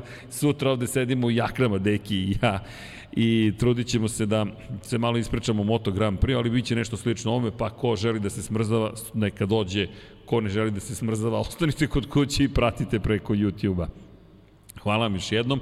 A, ne, ne, shop je top, nije obrnuto. Inače, kada govorimo o, o nekim lepim stvarima, ja se nadam da će narednih 7 i po minuta biti zabavno našim patronima youtuberima, pa da vidite šta smo to pripremili, vratit ćemo se posle toga da vam poželimo, ćao svima naravno, ali pogledajte ovo, 352, Đurđica Martinović, Salim Okanović, Matija Binoto, a, špica, Lj. Đurović, u ima vremena ovde, Danka, Mladen Tešić, da, ovo traje, ali mogu da pričam. Đorđe Milanović, Stefan Vuletić, Marko Kostić, dođite da vidite ovamo, Jelena Veljković, slobodno dođite, ne vidite se, Aleksa Valter, Ivan Milatović, moramo ovo će da ubacimo, Dušan Delić nam je izleteo, Luka Martinović, Ali Skripta radi, Vojn Kostić, Marin Antunović, Aleksa Lilić, Sead, zatim Dorijan Kablar, Matej Sopta, Igor Jankovski, slobodno dođite sa ove strane, ne vidi s Nikola. Nikola Milosavljević, Marko Kozić, Šmele, možemo da skratimo za jedno pola sekundu, Marko Petrekanović, Srđan Sivić, Milan Apro, Branimir Rijavec, Nemanja, Jasmina Pešić, kako ti zvuči ovo filmski, a Matija Rajić, Zoran Cimeša, Daniela Ilić, Đole, žena mi zna. Ratovi zvezda. Andreja Miladinović, Superman, Superman nas inspirisao. Borislav Jovanović, ali reci, Miloš Radosavljević, LFC, Crnogorski Jedi, Grgo Živaljić, Vlada Ivanović, ba muzika je hit, Jugoslav Krasnić, Andreja Branković, Nebojša Živanović, Ivan Rečević, Andrej Bicok, u mogu da čitam ove špite za znači, Veselin Bukićević, Dimitrije Mišić, Ivan Ciger, Safet Isnjami, Ivan Panajotović, Boris Erceg, volimo da se igramo, Džigi Bao, Branislav Kovačić, ako imate još neku ideju, samo pišite. Depressed Cody Garbrandt Fan, Aleksandar Jurić, zatim Vladimir Filipović, Vladimir Petković, 7,5 minuta kažete, Đorđe Đukić, Pavle Nj, Miloš Todorov, Emir Mešić, Andrija Todorović, Ertan Prelić, lepo ovo napravio. Alen Stojičić, naš dragi Petar, Bojan Markov, Bahter Abdurmanov, Darko Trajković, koji nam je pomogao da postavimo izložbu, Dejan Đokić, Ferenc Laslofi, Branko Bisački, Žarko Milić, ovo su sve ljudi koji su u glavnim ulogama, Aleksandar Milosavljević, Igor Gašparević, Vukašin Jekić, Branislav Marković, Igor Vučković, Aca Vizla, Dejan Vujović, Nemanja Zagorac, Aleksandar Antonović, Koliko treba glumac. oste, Novak Tomić, pokod nas samo Boris Kujundžić, svi imaju glavnu ulogu, Tijana Vidanović, Aleksa Jelić, ovo su sve patroni, Da žena ne sazna, Dušan Petrović, Lazar Pejević, Vanja, koliko još minuta, čisto da znam, Stefan Nedeljković, još četiri, Alen Vuletić, lagano, Zoran Majdu, još 10 minuta, Nikola Stanović, Jasenko Samarđić, Bojan Majstorović, Antonio Novak,